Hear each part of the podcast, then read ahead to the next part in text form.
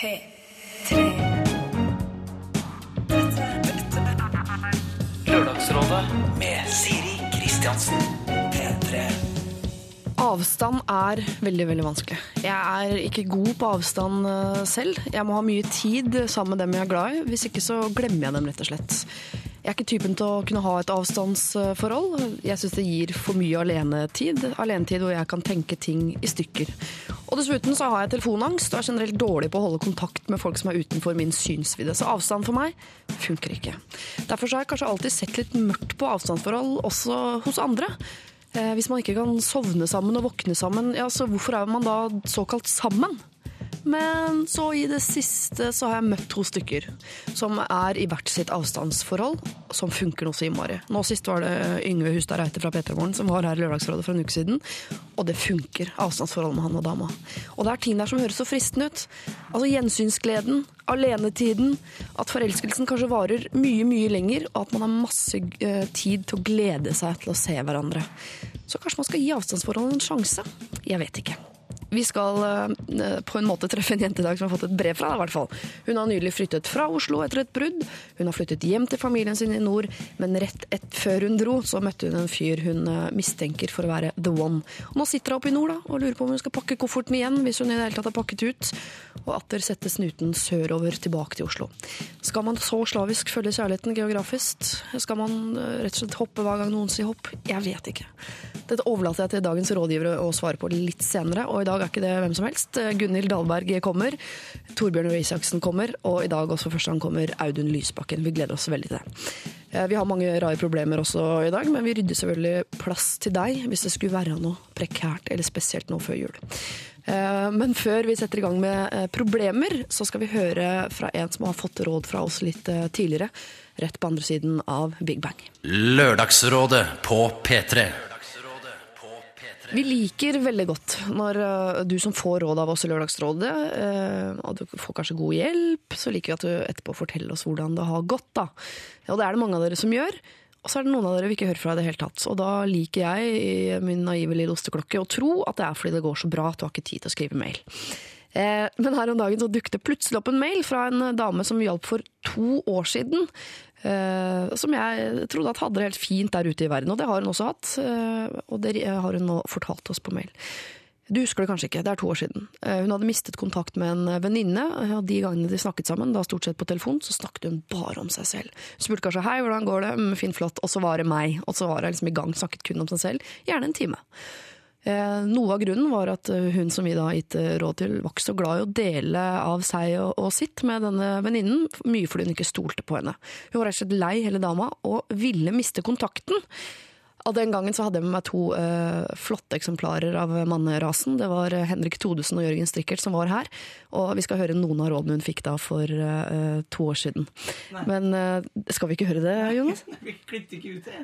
Åh, vi skal ikke høre det. Fy søren, Jonas. Det er skikkelig dårlig gjort. Rett før jul. Ja ja. Da pakker jeg opp den julegaven du hadde skulle ha fått, og bruker den selv. Det var en body lotion. Men de sa mye fint, altså. De sa mye fint. Det var Henrik Thodesen, Jørgen Strikkert. Eh, Jeg vil anta at jeg rådet til noe sånt som at det er lov å fade ut et vennskap, men også lov å, å holde ut. For det er mange vennskap som i perioder kan være veldig veldig dårlig, for man er forskjellige steder i livet. Og så plutselig en dag så gjør man et eller annet begge to, og er en helt ny sånn fase av livet. Og da passer det så fint å være venninner igjen. Så det er lov eh, det er lov å fade ut, men også lov å holde hverandre litt på gress. Og som oftest, ikke alltid, men som oftest er det gjensidig, altså. Jeg kan lese mailen vi i har fått fra denne eh, kvinnen. Hun skriver Hei, Siri og Lørdagsrådet. En oppdatering to år senere. Situasjonen endte med at jeg litt etter litt sluttet å svare på meldinger og på telefonen. Jeg orka rett og slett ikke. Jeg gikk gjennom store utfordringer i privatlivet, hadde for mye hode og hadde ikke behov for å dele. Etter et halvt års tid sendte hun en mail sendte jeg henne en mail og forklarte min situasjon, hva som var status, og jeg beklaget at jeg ikke hadde informert, men at jeg ikke hadde overskudd.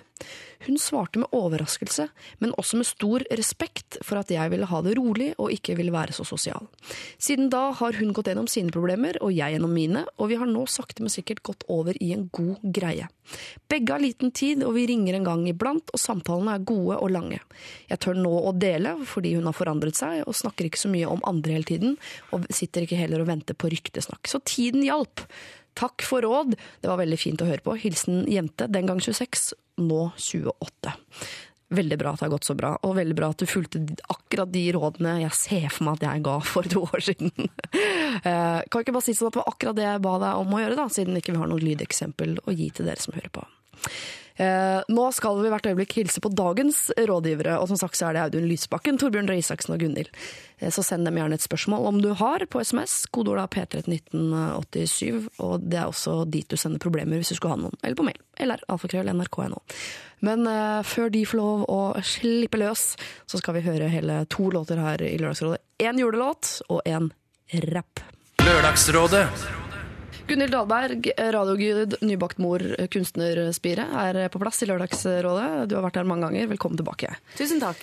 Eh, Velkommen også tilbake til Høyre-politiker, Telemarks patriot og P3 wannabe, eh, Torbjørn Røe Isaksen. Takk for det. takk for det. Du er jo mer på P3 enn det jeg er Jeg er med i de aller fleste programmer, bortsett fra Filmpolitiet. Der har jeg ennå ikke fått lov å være med. Nei, men Men du, hvis Birger Vestmo hører, bare ring Birger. ja. Jeg er tilgjengelig. Han har kjempelyst til å anmelde Hobbiten 2, som kommer da i 2013 rundt juletider.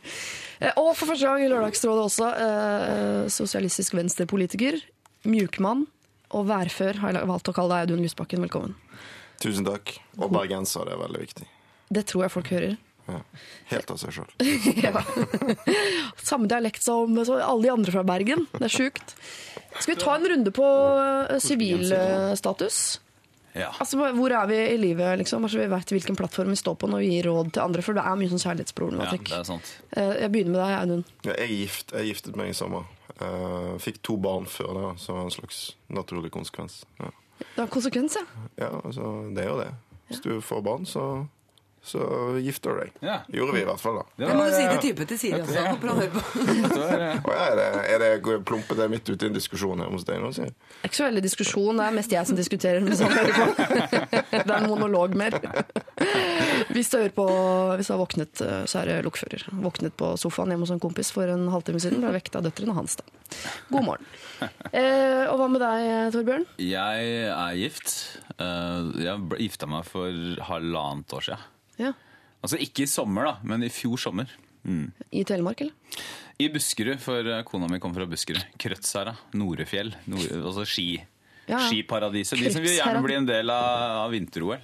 Det var harde forhandlinger som gjorde at det ikke ble Telemark. Nei, men det er, Du- vet du bare tapte ja, men helt. er det, ikke en sånn der, det, er jo en slags tradisjon at man skal gifte seg i brudens hjemsted. Det, er, var i hvert fall det de lurte meg med. Ja. Men så er, Det er altså, ikke kone... tradisjon. Det er ikke noen tradisjon. okay. Nei, men det, altså, jeg synes jo Porsgrunn Porsgrunn er jo veldig veldig fint, men uh, Krødsherra er jo sånn Det er litt sånn som Asbjørnsen og Mo-landskap og noe eventyrslott og flotte kirker og sånn, så det var bra, det, altså. Ja, det var bra.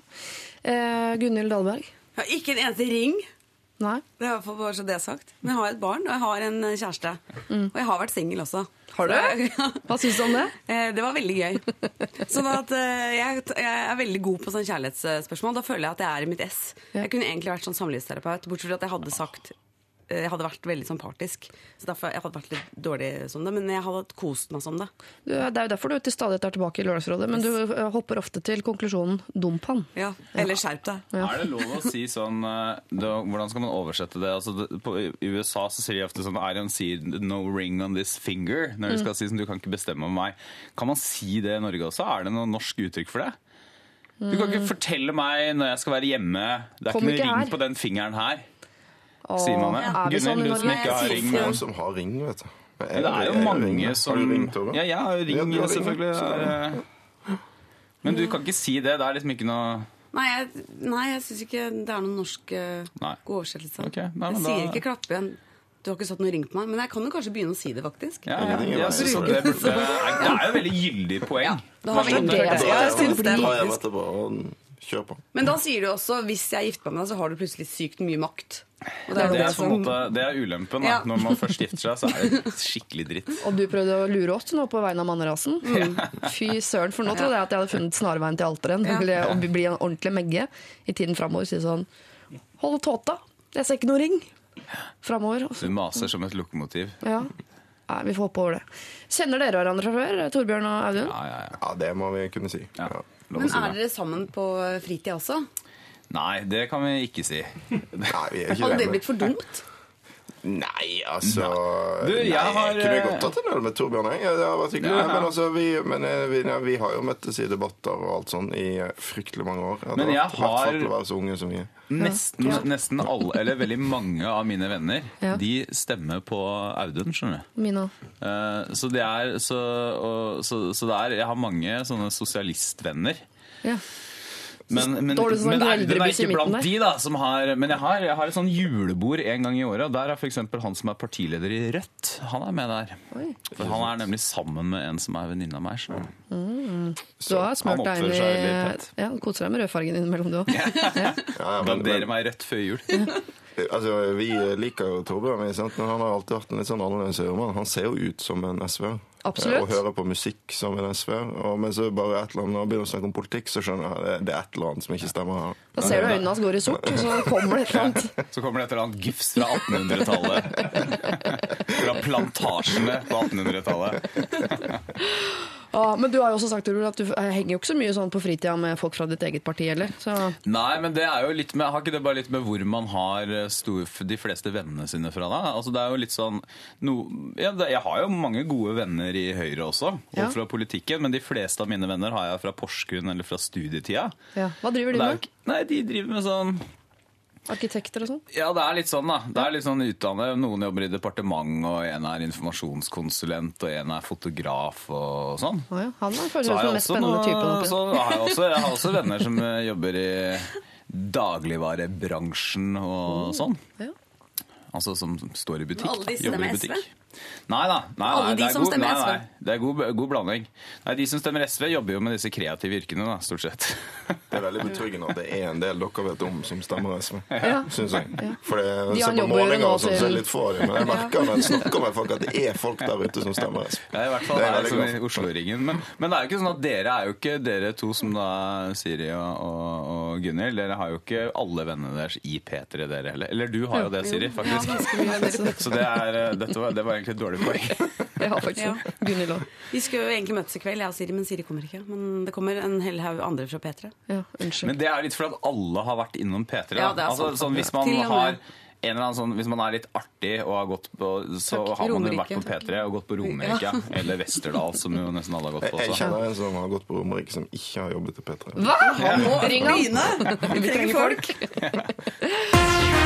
Lørdagsrådet Edwin Collins, dette er A Girl Like You, en låt som jo eh, jeg vil si i hvert fall tre av fire eh, mener at det er en favorittlåt. Det sier noe om at vi er et ganske voksent eh, panel her i dag.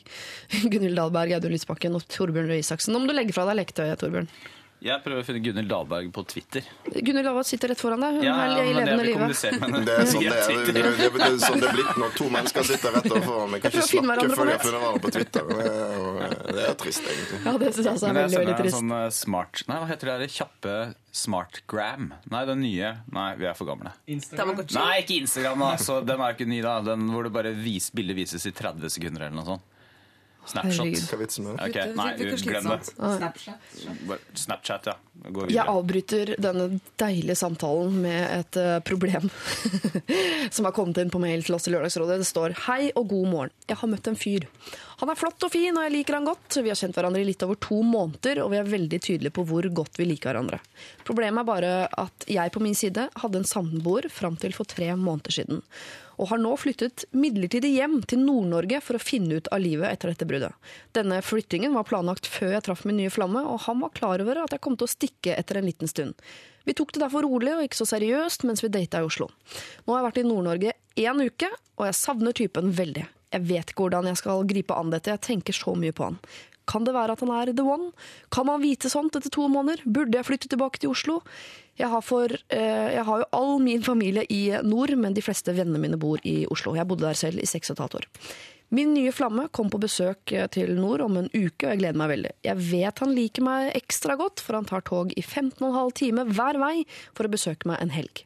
Burde jeg søke lykken i Oslo igjen og satse på den nye kjærligheten, eller skal jeg bli hos familien i nord, som jeg har savnet så mye de åra jeg bodde i Oslo? Hilsen Monica. Altså Hun er hjemme hos familien sin igjen etter seks og et halvt år i Oslo. Hun har savnet dem så mye, men rett før hun dro, så traff hun en ny fyr som hun har sendt i to måneder og vurderer å flytte tilbake. Et distriktspolitisk kjærlighetsdilemma, Ja. rett og slett. Ja. Det er jo et uh, sikkert tegn på følelser når du tar toget fra Oslo til Nord-Norge. Det tar lang tid. Da må det være Da er det, da, da er det viktig for deg, altså. Det Snakker vil vi jeg si Bodø her? Det er til Bodø toget Det er endestasjonen. Ja. Oslo-Bodø med tog, det er da, da vil du gjerne til Bodø, altså. Veldig, veldig gjerne. Jeg tror folk godt. kunne tatt tog i 15 timer for å få seg et lite ligg òg, altså. Ja, Det tror jeg. Så dårlig tror jeg faktisk om mannen. Ja, ok, ja, nettopp. Du velger å være så jeg altså skulle være litt la, Nå tok Audun det positive, da, så la meg bare si det negative. eh, Og det er at eh, det er veldig vanlig folk sier sånn Kan han være the one, eller den ene, da, som man kanskje skal si på norsk. Altså den man skal tilbringe livet med, må jeg anta da. Jeg tror ikke det går an å finne ut etter to måneder.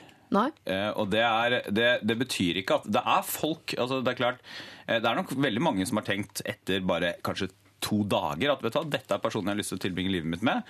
Og så eh, dør de 70 år senere og har tilbrakt livet med den personen. Mm. Men det er jo ikke noe bevis for noe. For for halvparten eller 60% eller 70% så funker det jo ikke. Så jeg tror jo måten å finne ut om det er den ene på, det er jo å tilbringe tid sammen.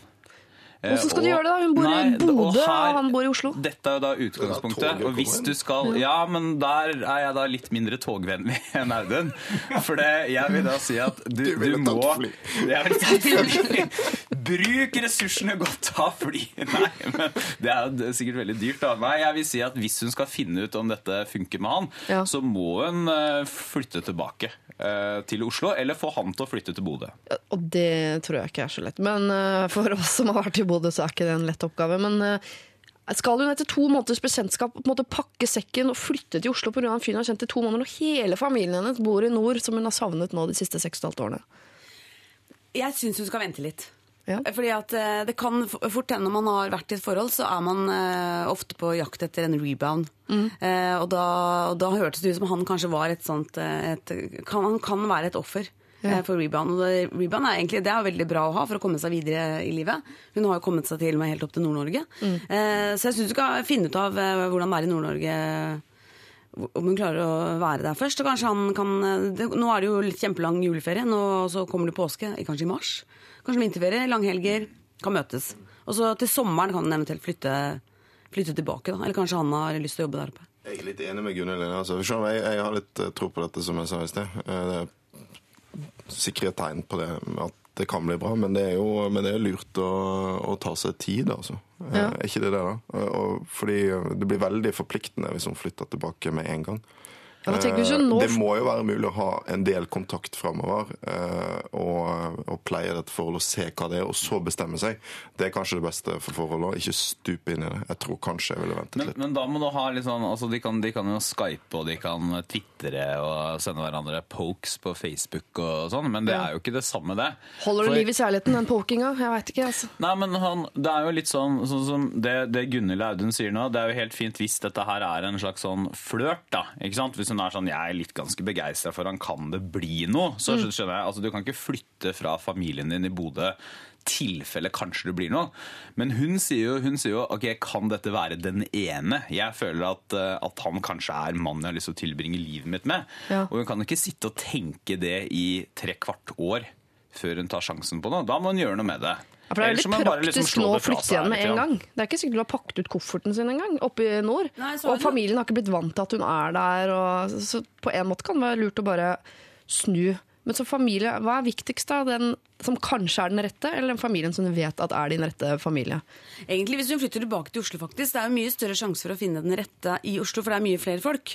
Ja. Eh, hvis han ikke er den rette, hvis hun flytter ned hit, viser seg at dette forholdet går eh, skeis, så er det jo ganske mange hundre tusen andre å, å ta av. I motsetning hvis hun blir boende i Bodø, da, som vi antar at det Bodø er. er jo en ganske stor by. Altså, det Jeg er tror ikke... er ikke... mange som finner den rette andre steder enn i Oslo. egentlig, Ja, når jeg, du jeg det. registrerer det at folk møter hverandre og finner den rette Er også sant?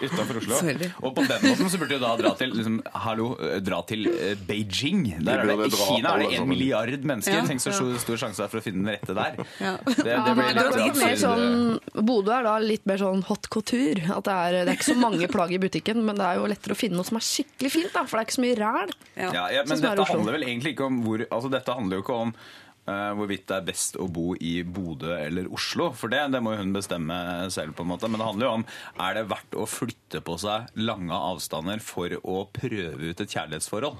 Men det, mener jeg er et viktig spørsmål. Altså Det prinsipielle svaret på det er jo ja. Altså Hvis det er noe du har tro på. Spørsmålet er bare om, om tiden er inne. Sant? Ja. Er det for tidlig? Men er det Ikea i Bodø, lurer jeg på? For det er jo virkelig lakmustesten på et forhold. Ja. Man må jo ta, ta seg en ikke det på ett steg lenger fram? Nei, da, Man kan dra dit sammen og bare se, finne ut hvordan man funker på Ikea. Ja, For hvis man funker på Ikea, så er det ganske Alle steady menn får going. lavt hvis blodsukkernivå du- på kan Ikea. også- Det er Jeg òg sånn gjør det det. er. Grunnen til at softisen på Ikea koster fem kroner. Det er for at folk skal ha noe å lurer på, på. De kan jo også ta, ta toget sammen. Altså Det må jo også være en god test. 15 timer Ja. på tog. Ja. Det Det også tester liksom, om du er kompatibel som eh, mennesker. For hun, Det høres ikke ut som hun har fått seg jobb allerede i Nord-Norge. hvis Hun har bodd der en uke og sånn. Hun kan jo bli med på den 15,5 times togturen ned igjen til Oslo, og så får hun dra tilbake. Da Da har de reist like langt med tog begge to og fått 15,5 timer sammen på et tog. Men, men jeg syns ikke For det er eh, Altså, det må være ganske vanskelig. Sånn, jeg har, eh, jeg har da sant, familie i jobber i Oslo, så har familie i Telemark. Det er to timer å kjøre, det er ikke så langt. Bergen også er jo ja, det er en kort Det er ikke så langt å kjøre. Tog til Bergen, må vi åtte timer. Nei, Seks og en halv altså. time. Ja, det tar, tar en stund, da. Men allikevel. Men, men det, er ikke, det er ikke det å ha familien som du er veldig nær i Nord-Norge mens du er i Oslo, det må være ganske langt unna. For det er liksom nesten for langt å dra hjem bare på en helgetur og Det Du går fly òg, kan jeg bare opplyse om det. Ja, ja, ja, men, ja da, jeg klarer klar det. Men, eh, men, eh, men kanskje De må jo Altså Hun må jo kanskje ta en avgjørelse. Skal hun alt i alt tilbake til Oslo også? Eller ønsker hun å skape seg en framtid i nord? Ja, det er jeg også tenkt på. Skal hun ikke velge sted før hun velger eh, mann? Kan ikke Ja. drive og flytte. Tenk først. Skal hun, hun møter en fin fyr i, i eh, Porsgrunn, eller møter en fin fyr i Beijing. Skal hun drive og hoppe rundt sånn som en liten uh, fjellgeit hver gang hun treffer noe som er fint å se på? Så er det vel mulig å møtes rimelig ofte. Altså Hvis Bjørn Kjos hører på nå, så sitter han og river seg i håret over at ingen forteller hvor billig det egentlig er å fly mellom Bodø og Oslo. Eh, Men det vil jo ikke jeg snakke om, for jeg er veldig for at folk tar tog. Men det, men det, sant, det er mulig å møtes mye. Altså. Det er jo det. Ja. Eh, Og, og teste ut litt til, og så flytte. Ja. Ja, Kanskje han får hetta og hun flytter tilbake allerede nå. Ja, men hun hadde jo et, eh, hadde jo masse venner her fra før, og så virker jo ikke sånn kjemperart. Den klarer hun å ljuge seg unna, at hun har fått seg en ny jobb på 7-Eleven, eller at hun savner venninna si kjempemasse, eller øh, Altså, det, det, det kan man ordne. Ja. Eh, Det virker jo litt rart hvis han flytter tilfeldigvis til Nord-Norge.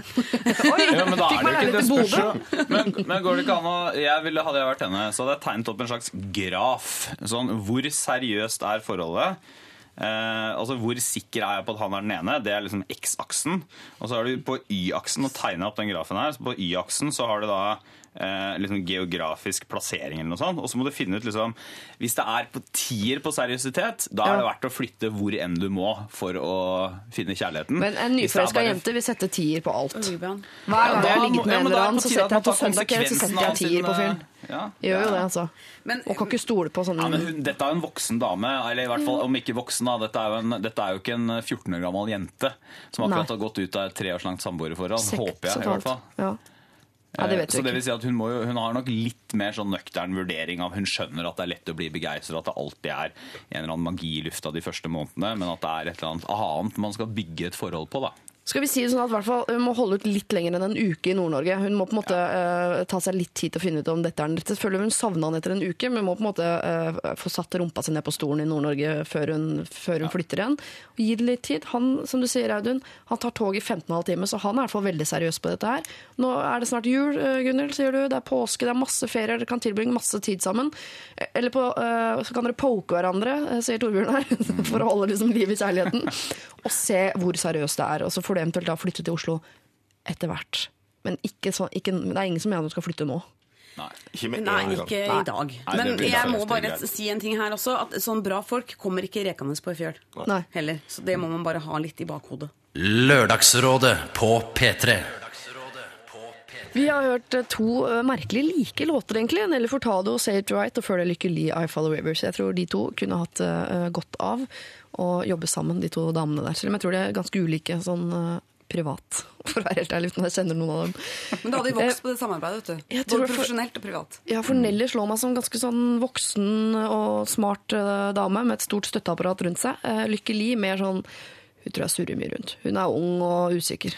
Er Hun drar der vinden fører henne, og elva fører henne. Hun er eh, virker som en frik. Liker å røyke hasj.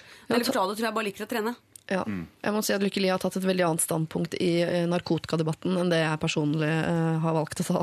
For å si det Kanskje vi ikke sånn. burde jobbe sammen, egentlig, for det dere snakker om siden nå. så... Ja, men jeg tror Jo, man har men- godt av å lære Det er godt, det er fruktbart å møte folk som er veldig ulikt deg selv. Jeg tenker at det er Nelly som bør påvirke Lykke Li i uh, menneskelig uh, retning. Da. At det musikalsk kanskje kunne blitt en fin måte. Jeg aner ikke. Aner ikke. Vi går videre. Jeg har allerede sagt hva neste program skal dreie seg om, og i dag så er det, har vi eh, to politikere og en kunstner med oss til å løse disse problemene. Kunstneren det er deg, Gunhild Dahlberg. Ja, men jeg er faktisk medlem av Miljøpartiet De Grønne, bare så dere vet det. Jeg kunne vært politiker. Ja, det tror jeg du kunne kledd også. Ja, jeg hadde Eh, klart. Jeg hadde kledd det kjempegodt. Eh, Politikken har sikkert hatt veldig godt av meg, men jeg hadde ikke orka. fordi at de sno... Politikere er jo de nye, hva skal jeg si eh, Rockestjernene. Nei, overhodet ikke. De blir jo lynsja og hengt. Det, er jo, blir jo, jeg kunne ikke, det hadde kommet fram at jeg hadde inhalert hasj, f.eks., Ja. i Amsterdam. Det hadde vært en forsidesak i mange uker. Hadde ikke jeg orka. Pluss at de har mye stygg kunst eh, på Stortinget, så du hadde frika rent sånn estetisk. Det tror jeg kanskje. Det er sant. Du, er jo sånn hakket verre enn Bill Clinton. Han hadde jo han, Clinton klarte seg jo. Ja. For han inhalerte ikke. K- ja. sa det, jeg inhalerte ikke, eh, og da unnskyldte seg med det. Men Obama ble spurt om det, så sa han eh, jeg inhalerte. Det var hele poenget. Det sa Det er derfor vi liker Obama. Torbjørn Røe Isaksen er også her fra uh, blåsida Høyre, og eh, også Audun Lysbakken, uh, rødsida SV. Vi skal nå løse et eh, venneproblem, kjærlighetsproblem. Jeg spleisa bestekompisen min og bestevenninna mi. Begge to er personer jeg har kjent siden jeg var tre år gammel, og de er personer jeg kan snakke med alt om. De to ble kjent med hverandre gjennom meg, og i et par år, fra 14 til 21, har vi vært en god trio der vi har kunnet henge sammen, og det har vært veldig så fett. Men det har alltid vært jeg som har vært midtpunktet for at vi tre har skullet henge sammen. Jeg merket at det begynte å blomstre følelser mellom de to litt ut av det blå en sommer for et år siden. Jeg kunne merke at begge noia ut på grunn av meg. Så jeg hooka dem opp en kveld ute på byen, og siden den gang har det gått én vei. Noe jeg har digga helt til nå. Min beste venninne har nå startet å dytte meg litt vekk. Med ikke ringe, vil ikke henge, osv. Jeg går ut fra at hun gjør dette her på grunn av min bestekompis. Har dere et råd til meg eh, hvordan jeg skal ta dette opp med dem? At jeg føler meg egentlig ganske så ekskludert av begge to. Jeg har dame selv, så jeg eh, forstår hva det går i, men jeg syns det er kjipt at jeg skal eh, føle at jeg har mistet en bestevenninne på bekostning av at jeg hooket opp mine to beste venner med hverandre. Gudsutre. Altså tre venner. Én midtpunktet, innsender. Eh, De to andre fant tonen. Han ga klarsignal! De er nå sammen, eh, men han føler at han har mistet kontakten og ønsker å ta opp dette her med dem. Det er jo alltid litt kjipt med å miste status som midtpunkt. Kan du sende deg en, Gunnhild? Men eh, jeg tenker jo at eh, han må jo være kjempeglad for at eh, det er to venner som har møttes. Ja. Det er, og han har jo for en gangs skyld lyktes som Kirsten i Giftekniv, for det har jeg prøvd mange ganger selv, og det fungerer jo aldri. Så det er bare kjempebra. Og så tror jeg at eh, når de bare får liksom klina fra seg og eh, liksom gjort fra seg den første intense nyforelskelsen, kanskje ta tre måneder eller sånn, så, også, da vil han eh, eh, kunne henge litt mer med de igjen. Jeg er tror det- det bare er en liten fase. At de får tid til han igjen etter litt? ro, altså. Altså, Nyforelskede mennesker ser jo ingen andre enn hverandre. Altså, hverken, altså, eh, de er ikke i stand til å se andre mennesker, og eh, rent praktisk så vil man være sammen så mye man kan. Ja. det Så det er på en måte litt av poenget med å spleise de, at de må nødvendigvis bli fryktelig opphengt i hverandre i en periode. Og så blir det mer normalt. Jeg ville tatt det, tatt det kult. Ventet, så går det bra. Jeg ville fått panikk.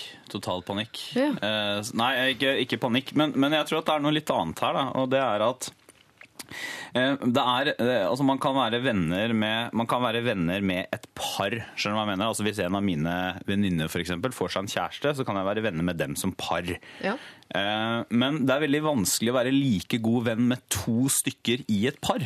Det er ganske vanskelig. Hvorfor det? Jo, for at vennskap forutsetter jo en viss fortrolighet. ikke sant?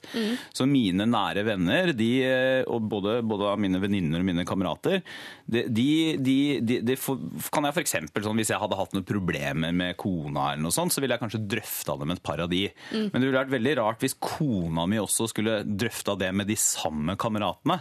Skjønner du hva jeg mener? Ja, ja. Det, det tror jeg er litt vanskelig. Så, så jeg syns det er ganske naturlig at hun venninna trekker seg litt unna. For hun kanskje tenker at ok, det blir jo veldig rart. da, Kanskje til og med de har snakka mye om at hun er singel eller har et eller annet sånt. Så at hun da tenker at å, jeg kan jo ikke være kamerat Skal jeg være venn med bestekameraten til kjæresten min? Som også skal være min bestekamerat? Det blir, jeg syns det blir vanskelig. Jeg skjønner at det er rart. Også innsendere kan bli liksom eh, han som knows too much. Altså, så de må Ja, eller bare at, eller bare at det, blir en, det blir et vanskelig vennskap å opprettholde. For det er, det er, eh, man kan være venner som, eh, som gruppe, på en måte. Altså At man alltid er sammen tre stykker. Men det du snakker om her, er jo tomannsforholdet mellom han og to stykker som da er sammen. Ja. Så jeg, det kan hende at han bare må bite i det sure eplet og si at vet du hva, gradvis, ikke sånn eksplisitt snakke om det, men bare si at ok, jeg velger å være eh, fortsatt hoved, altså kamerat til han kameraten min. Eh, og være venn fortsatt, selvfølgelig med venninna si, men jeg kan ikke være like gode venner med begge to. Han har kanskje mistet det- to det- venner, men fått seg et vennepar. Ja, eller er det en mulighet, da. Men da Ja. må han liksom alltid være sammen med de to, da, på en måte. Men det kan hende man gir opp vennskapet, sånn tomannsvennskapet. Det bilaterale vennskapet med den ene. Jeg er ikke helt sikker på det, Torben. for Jeg, jeg tror, altså, det- kan hende det er riktig, men det store problemet er ikke når vennene dine blir sammen. Det store problemet er når vennene dine slår opp. Ja. Sant? Det Ja. er det som er virkelig trøbbel. Og det er det gode argumentet mot å spleise gode venner. at hva skjer hvis de plutselig blir sammen, og så er de ikke sammen lenger. Men, eh, men det trenger vi jo ikke bekymre oss for. Da får vi sende en ny mail. Eh, Da får vi sende en ny mail, og så får vi diskutere det. Ja. Da skal jeg kalle inn samme panelet. Men er det ingen, altså verken uh, Gunhild, Audun eller Torbjørn som reagerer på at han, han snakker om disse to, men han snakker egentlig bare om henne? Jeg Ja, okay, har du- eh, ja. Ja, altså han eh, Han snakker mest om denne bestevenn... Jeg mister en bestevenninne på bekostning av at jeg hooket opp mine to beste venner. Han snakker aldri om at han mister sin beste venn.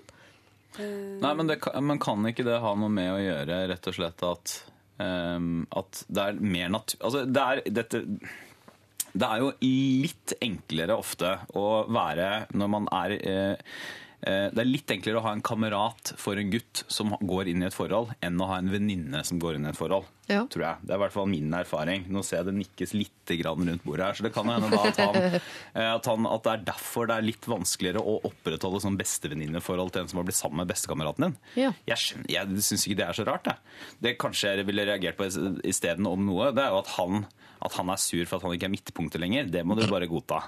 Har hvis ikke så kjæreste, en også? Jo, jeg bare tenker, han er veldig opp... jo, han sier jeg har også kjæreste, så jeg skjønner hva det går i. Og jeg syns han bare er veldig opptatt av å si at han har kjæreste, og opptatt av at han har mistet henne. Så for meg så Det er viktig å få allerede kjæresten hans inn i gjengen, fordi da blir det litt mer balanse. Sant? Da er det ikke... Ja. For det, det er selvfølgelig noe med å være tre, og så er de to andre veldig tette, og så er du litt utenfor. Ja. Så er det jo kanskje at han er engstelig for at han har mista For det er jo veldig fint å ha venner av begge kjønn, men jeg skjønner jo at når han har Hvis hun øh, venninna, bestevenninna, har, øh, har, han føler han har mista bestevenninna si, så er det jo litt Når han har kjæreste, så er det litt underlig å få seg en ny bestevenninne. For det er ikke så ofte at når man har en kjæreste, at hun tolererer at du får deg en ny bestevenninne mens dere er Nei, det sammen. Det er være en litt rart. gammel bestevenninne som er med på Ja. lasset. Du kan ikke få ny. Nei. Nei, det, er det, jo, det kan tror jeg man nesten ikke er skrevne regler mot. Jeg tror det er veldig Ja. Ja, det var ikke jeg klar over. deler reagerer på. Var det, hva er det, Det er en så, regel. så, så den, den, det kjønnsforskjellen lever altså. Så man, kan regjering ha hatt en gammel, man kan ha sin gamle bestevenninne. Ja. Man kan kan ikke få en ny venn som er jente. Nei. Jeg kan ikke huske at vi lagde den loven, men liksom. eh, Nei, jeg tror ikke det var SV som lagde akkurat den. jeg tror ikke det. Men hva hvis den nye bestevenninna er har liksom trippel pukkelrygg og ekstreme kviseproblemer og i tillegg liksom problemer med hygienen? Hjelper det nå? For det, det, det er jo sjalusi som ligger under Ja, her. ja, ja. ja. er det noe galt i det. det, liksom? Nei, nei, nei, det er ikke galt. Jeg respekterer alle mennesker. Men syns, er det noen som syns det kan virke noe øh, Er det flott at han eventuelt tar opp dette? De er jo gode venner, så burde det være rom for at han kan ta opp Hei, jeg føler meg ekskludert. Eller kan det bare bli litt sånn halvkleint? Jeg passet meg litt, fordi altså, hvis det er to nyforelskede, eh, altså, to nyforelskede venner, ikke sant, og så altså, Da må de få lov til å være midtpunkt for hverandre en stund, tenker Ja. jeg. jeg. Jeg tror fortsatt det kommer til å gå seg til. Jeg. Så han skal ikke Skal ta vi- den samtalen. Nei, han kan virke hvis de, hvis de akkurat har blitt sammen. Hvis de har vært sammen et år, så kan jeg skjønne at, at da kan man kanskje si det hadde vært hyggelig om vi kunne finne på noe Det er så lenge siden og sånn. Men å ha en sånn, hvis man har sånn sutrete tone og prøver å eh, lirke seg inn mellom to eh, ekstremt nyforelska som har vært sammen en måned eller noe mm. som ikke vil gjøre, gjøre noe annet enn å liksom ligge sammen, det virker litt eh, k- eh, sånn kleggete og muggent. Det virker litt dumt. Lirke deg inn mellom to som vil ligge sammen. Ikke gjør det. Jo, men vanligvis så- råd mot å gjøre det. Jeg applauderer jo den gode samtalen, altså, det er ikke det, men jeg tenker at her å skulle ta opp dette med de, uansett om de er i liggefasen eller om de er over i den se på DVD sammen-fasen av eh, forholdet, så kan det virke litt sånn Men Jeg tror ikke man blir bedre venner i etterkant av en sånn samtale, for det blir bare litt sånn kleint. Men jeg syns ikke han skal ha en samtale med de to som par. Men jeg mener, i motsetning til Audun og Gunhild, jeg mener at han må ta grep. da, For at det er noen sånne det er noen sånne faser i livet hvor det er veldig lett å miste venner. Og det er sånn hvis man flytter, eller når vennene får seg kjærester, eller når de gifter seg, Barn. eller i barn, ikke sant, i den sammenhengen her. Hvis man skal da opprettholde et vennskap, så må man faktisk ta grep. altså Man må gjøre noe. for Hvis ikke, så er det som kommer til å skje, det er at dette kommer til å gå i to-tre år, og så kommer, han til, kommer det til å gnage på seg, gnage i han eller på han, eller hva det heter for noe. Og så kommer det til å, eh, han til å bli fjernere og fjernere fra hun venninna si. Og så kommer de til å ha en sånn fyllekveld om eh, tre år, hvor de sier sånn ah, hvor, hvor, hvorfor, Vi er jo aldri sammen lenger, og hvor vi har mista helt kontakten og sånn. Men da er det for seint. Faktisk. Da er det for sent. Så jeg mener at han ikke burde ta det opp, men han burde bare si til henne sånn Hei, du skal ikke vi henge bare en dag, sånn som vi gjorde før i gamle dager? Ja. At du og jeg går ut og går på kino eller tar en øl eller et eller annet sånt. Så det er ingen som mener at han skal gi opp dette hva kalte du bilaterale vennskapet, og heller som par invitere da et nytt par og skape en herlig symbiose av fire mennesker hvor alle er glad i hverandre. Ja, Uten å ta det noe lenger, altså. Ja, men, han men- kan jo, men han kan jo godt gjøre det også, men, da, men, eh, men i et sånt parvennskap, så da oppløser du jo på en måte dine gamle vennskap. ja, det må Eh, man Så gjøre. jeg mener at det er litt viktig at eh, det er noen venner som du trenger å ha dette bare tomanns vennskap, tomannskvinnes vennskapsforhold til også. Ja. Det er mange som blir dølle også når de får kjæreste. At de bare forsvinner inn i kjedsomheten og blir Altså har ikke noen andre interesser. Hadde masse meninger før. Plutselig blir jeg sånn bare sånn rullegardin som er trukket ned. Jeg vet ikke, jeg vet ikke, jeg vet ikke. Og det, er- så Derfor burde han kanskje vente litt med å ha den eventuelle denne samtalen. For hvis de er sånn som blir sånn og gørr kjedelige, så skal han bare tenke good riddance. Bare, da slipper jeg å ta med de videre i livet. Ja, Det som jeg syns jeg hører her, i hvert fall eh, Karsten eh, Giftekniv, altså eh, ta tida til hjelp. Ikke hopp inn i noe alvorlig samtale her. Du kan invitere ut på kaffe, øl eller foreslå noen sånne småting. Eller så må du la de bare holde på i sin, uh, i sin kjærlighet en stund. Se om de blir døve, om du kanskje ikke vil ha noe mer med de å gjøre. Eller om de etter hvert kommer krypende tilbake. I hvert fall så har du mistet to bilaterale venner uh, og fått deg et nytt uh, vennepar. Jeg tror. Bilat noe greier.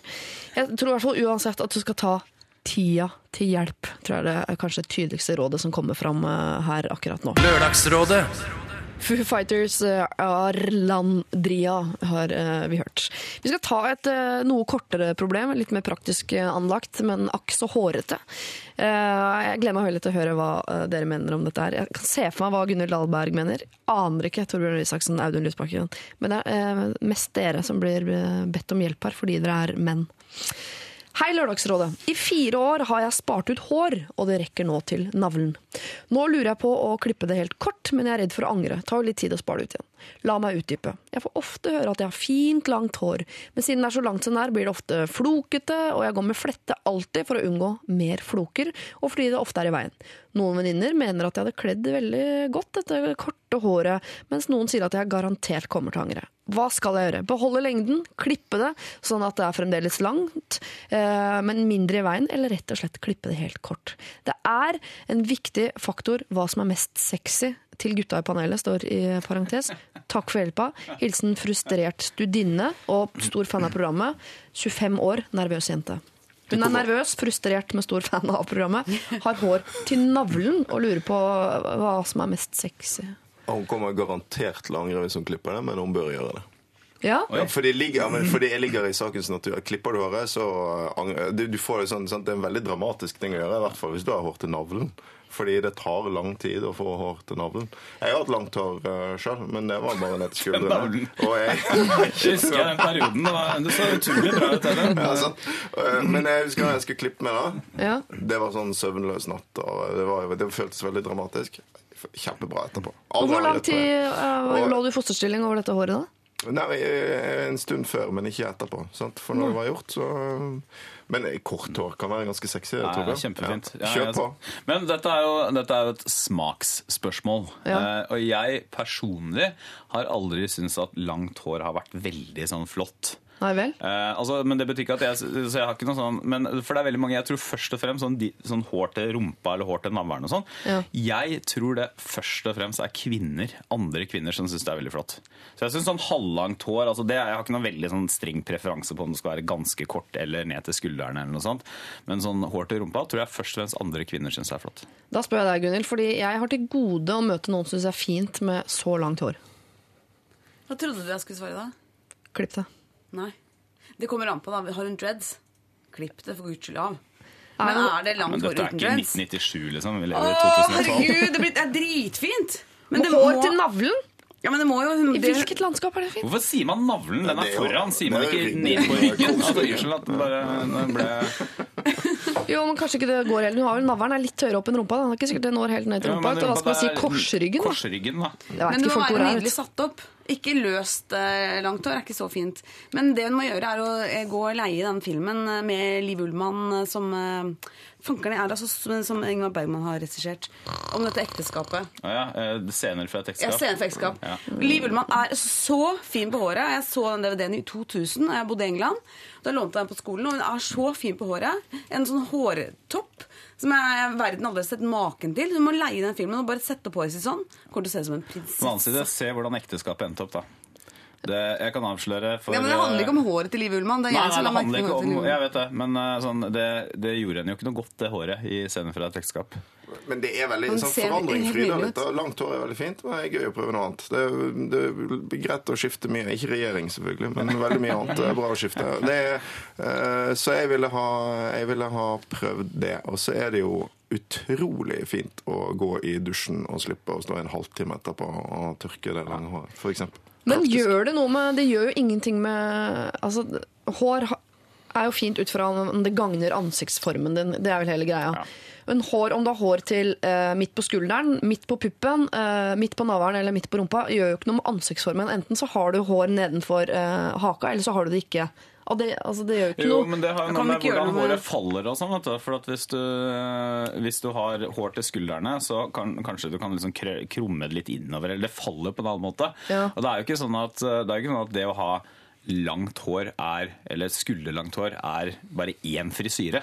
Hei, jeg skal ha skulderlangt hår. Greit, da er det liksom Da er det bilde av det i boka. Hennes skuldersaksa okay. og- Det er ikke liksom, De er avansert forbi liksom bolleklipp bare i skulderlengde. Da vet du mer om frisyrebransjen enn meg, eh, Torbjørn. Det er, eh, ja, det det, er meget kort mulig.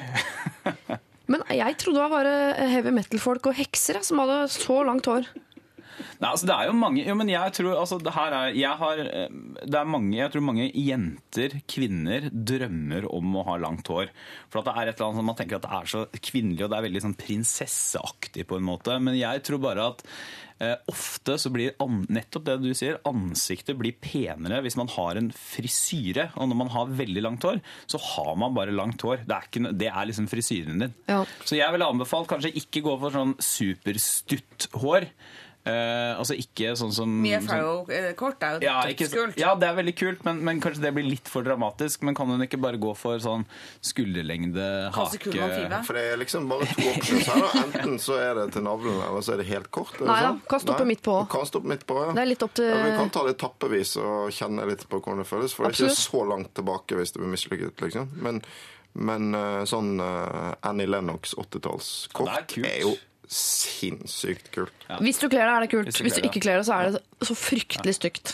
Men du ser jo veldig annerledes ut, altså, for, og det er jo litt av problemet. For man, man ser jo på en måte så Man ser kvinnelig ut på en annen måte med veldig kort hår. Skjønner du hva jeg mener? Man ser tøffere ut, Ja. men kanskje ikke så yndig. Eh, men jeg ville sagt klipp det, altså. Eh, uansett. Ja. Jeg, Klipp det litt. jeg skal ikke høres ut som Jan Thomas, kanskje, men må man ikke være veldig veldig, veldig slank og petit for å ha en sånn kort Mia Farrow, uh, Annie Lennox-frisyre? Man kan ikke være tjukk og ha kort hår. Liten replikk til deg, Gunhild. Oddvar. Jo, jo, Vi er på. P3. og Nå har du nevnt Mia Farrow, Kasi Kullmann Five og uh, Hva var det filmgreiene dine? Ingrid Ingrid Bergman. Vi er nødt til å eh, heve på en måte Amelie fra Montmartre, da. Ja, vi må i hvert fall dit. Ja. Eller helst enda nyere. P2 er Hva der heter hun borte. der? Ja, det er bare rett over gangen her. Hun er eh, Harry Potter. Emma Watson. Emma Watson, Ja, Emma Watson. ikke sant? har jo klippet seg kort nå. Der er vi det, er ganske, det er ganske kult, syns jeg. Man ser, jo, man ser jo mye mer voksen ut eh, med kort hår, syns Ja. jeg. Ja. Eh, Jeg er vel, jeg, og jeg er helt uenig Rihanna? med deg når du sier sånn at man ikke kan være eller tjukk eller ha former av kort hår. Det er jeg helt uenig i. Det er, det, jeg tror det er uavhengig av liksom kroppsformen din. Det er litt mer med ansiktsformen. Ja. Eh, Det er ganske vanlig å ha noe rundere hode hvis man Ja. har noe rundere i kroppen. Men Altså. da kan du jo velge sånn øh, Jeg klippet meg veldig lenge hos, øh, sånne, hos innvandrerfrisører, hvis det er lov å si det. Eh, og der var det på en måte én til to frisyrer du kunne få. Men, men hvis du går til en litt ålreit frisør, så går det an å spørre Hei, hva slags frisyre kler jeg? Dette er jo utdanna folk. De har sånn fagbrev og mesterbrev som henger der og sånn. Men da må du kanskje betale et par hundrelapper ekstra. da. Er det replikk det betyr? Nei, To ja. fingre. kort. Eh, at man må ikke spørre frisør, frisør, frisører, for de elsker å farge tre, tre farger. Klippe kort, lage sveis, sånn som eh, 50% av folk i Nord-Norge har. Og det må man bare passe seg litt for. Ja, vet du hva man blir da? Ja. Hvis hun først skal gjøre dette, så må hun, hun må gjøre det skikkelig. Da er det mer enn et par hundrelapper du må eh, hva si, opp fra de frisørene du pleier å, å gå til. Da, Torbjørn. Ja. Eh, sant? da må du sikkert Det er jo sinnssykt dyrt Ja. å klippe seg. Men det her er jo litt sånn once in a lifetime, da, hvis du har spart så lenge. Men Da må, du, da må du gå ut med fanfare, på en måte. Du må passe deg nå. Nå er du 25, og det verste du kan gjøre, er å, å klippe deg typete. Fordi da, da blir du plutselig Hvor- 35 hvor gammel er den denne kvinnen? 25. Ja, og hun kommer til å måtte klippe seg kort når hun blir 55 uansett. Så det ha langt hår så lenge du kan. Det er mitt tips som veldig lenge kvinne. til. Ja, Veldig lenge. Hun rekker å spare i hvert fall to-tre-fire ganger før det. Jeg er for å klippe seg litt, men ikke helt kort. Men du må klippe deg litt, fordi hår som er så langt at det kan kile seg fast mellom rumpeballene dine, er bare ekkelt. Altså. Kan bruke Ja, som og så- dopapir. Og så syns jeg du skal vurdere, for nå høres det ut som hun har langt hår foran. Eh, altså til Spar bak lenger. også, Det syns jeg er en god idé. Generelt tips, det syns jeg er lekrere. Stakkar nervøs og frustrert studinne 25. Jeg håper ikke du har blitt mer frustrert og nervøs, men det virker i hvert fall som om eh, guttene her syns det kan være sexy både med eh, kort hår og halvlangt hår, men også langt hår. Og Gunnar, jeg trodde du skulle støtte meg i kampen mot eh, kjempelangt hår, men Det er altså så er så ånsedyrt å gå til frisøren. Hun har ikke råd til det. Hun er student. Det er Hallo, ja, tenk på hva hun skal Hun må klippe seg for seg fast jobb. Men da Klipp av fletta, man heng på Finn en frisørlærling. Da er det billigere. Er Torbjørn Røe Isaksen vet merkelig mye om uh, frisøryrket, må jeg få lov å si. Dere får bare fortsette. Det virker som dette eh, lå nærmere, eh, hjertet deres ganske nærme. Dette hår, hårproblematikken. Lørdagsrådet. Sitter her en lørdag i Lørdagsrådet sammen med Gunhild Dahlberg, som dere jo selvfølgelig kjenner fra uh, P3. Eh, Audun Lysbakken er er her, som dere kjenner fra SV, først og fremst. Eh, og Torbjørn Røe Isaksen. eh, jeg vet ikke om jeg skal si Høyre eller P3 på deg. Et sted midt mellom. Et eller annet sted midt mellom. Hvor er det vi tjener mest penger? Jeg tjener ikke noe penger på P3. Nei, Tjener du penger på politikk? Ja, jeg tjener penger. Jeg sitter på Stortinget, da. Så jeg får, men det, og det er for at eh, Siden jeg får penger for å sitte på Stortinget, så ser jeg på det som en del av sånn Det er jo en del av jobben min, da. Faktisk. Å være på med- P3. Ja, være med på P3. Jo, men jeg kan i hvert fall ikke ta ekstra penger på, for det. Det blir litt teit. Det er godt å tenke på folk. Det er på skattebetalernes regning Torbjørn er på P3. Ja, ja. Men det er Jeg på det er måte fint. Alle vi er jo her Det er jo det alle er. Det er jo Dette er så mye tilbake. Det er ingen her i studio som har en ordentlig jobb, kanskje med unntak av tekniker, produsent. Ja, det er en ordentlig jobb. Jeg pleier ikke å si at jeg får lønn, jeg sier at jeg bare får lisens. Syns det er så deilig å tenke på. Eh, vi har fått inn noen spørsmål til eh, dere, eh, og jeg lurer på om jeg skal begynne med deg, Gunhild. For Det er en der som, skriver, som heter Jon, som skriver Hva er det jeg hører om kunst? Hva da for kunst? Jeg skjønner ikke kunst. Skjønner ikke kunst sjøl. Men, men du går på kunstskole? Ja, jeg går på Kunsthøgskolen i Oslo. Eh, der har jeg gått siden i høst. Eh, I august begynte jeg der. Ja. På tekstillinja. Vi jobber veldig åpent på tekstiler. Vi har en eh, utrolig fin eh, professor, og mange fine lærere for så vidt. Sånn at vi kan eh, jobbe ganske åpent, men med også gjerne med tekstilforankring. Men jeg tror Jon trenger en nærmere forklaring på hva er tekstilkunst i så fall. Da. For hva, tover du sånne tepper med elger og trollkone på og henger det opp i foajeer rundt omkring, eller hva? Ja, det, det skal gjerne bli Ja. en sånn eh, Du, du, du blir gammel? kone Du vil bli gammel Ja. Kone? Det vil jeg veldig gjerne. Jeg har jo jobba lenge nok i ungdomskanalen P- eh, P3, og nå er det på tide at jeg finner andre beiteområder. Ja. Men det jeg foreslår at han gjør, det er at han går inn på internett og googler Hanna Ryggen, Ja. eh, som er en helt fantastisk tekstilkunstner, en veverske, eh, som døde på Jeg tror hun døde tidlig på 70-tallet. Og eh, hun, har, hun hang i regjerings, hadde stort teppe hengende i regjeringsbygget, blant annet. Så det var en sånn utstilling med henne på, i Oslo Kunsthall i fjor sommer. Eh, og hun har lagd, Der har eh, teknikeren eh, allerede inne og eh, se hva hun har lagd. Hun har lagd ekstremt sånn politiske illsinte, men også humoristiske vevnader, som det heter. Og hun var jo feminist. Eitrende forbanna samfunnsaktivist og skrev, masse innlegg også. Og Høres ut som du snakker om deg selv. Ja, eh, men bortsett fra at jeg er altså så elendig til å veve.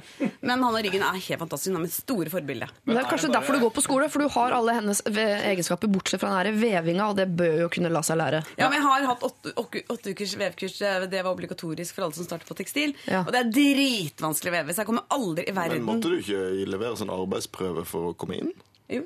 Ja. Men jeg lagde ikke vev i arbeidsprøven. Jeg lagde tegninger. Er det bare meg som syns det er ganske morsomt at du sitter der liksom rasende Ja. på et eller annet foran veven? Og så må du liksom få de der fine trådene sånn Å, nå skal jeg demonstrere mot Hvis du liksom vever noe mot Assad-regimet i Syria, da. Ja. Starter, så er det skikkelig syr. Ja. Må du få alle sånn trådene til å gå det inn. Det er det som er kunst. Det er det som er fantastisk Men med å bare gå og se på de de Men det er bildene. et eller annet med at det er vev, da. Ikke sant? Eller er sånn, sinte, strikkere, for eksempel. De kan strikke mot Lukter senebetennelse og hele greia, spør du meg. Ja. kan jeg, kan jeg bare si én ting om Erik, siden han spurte sånn kunst, skjønner ikke kunst, bla, bla. Og jeg, Ja. vet du hva jeg tenker som så?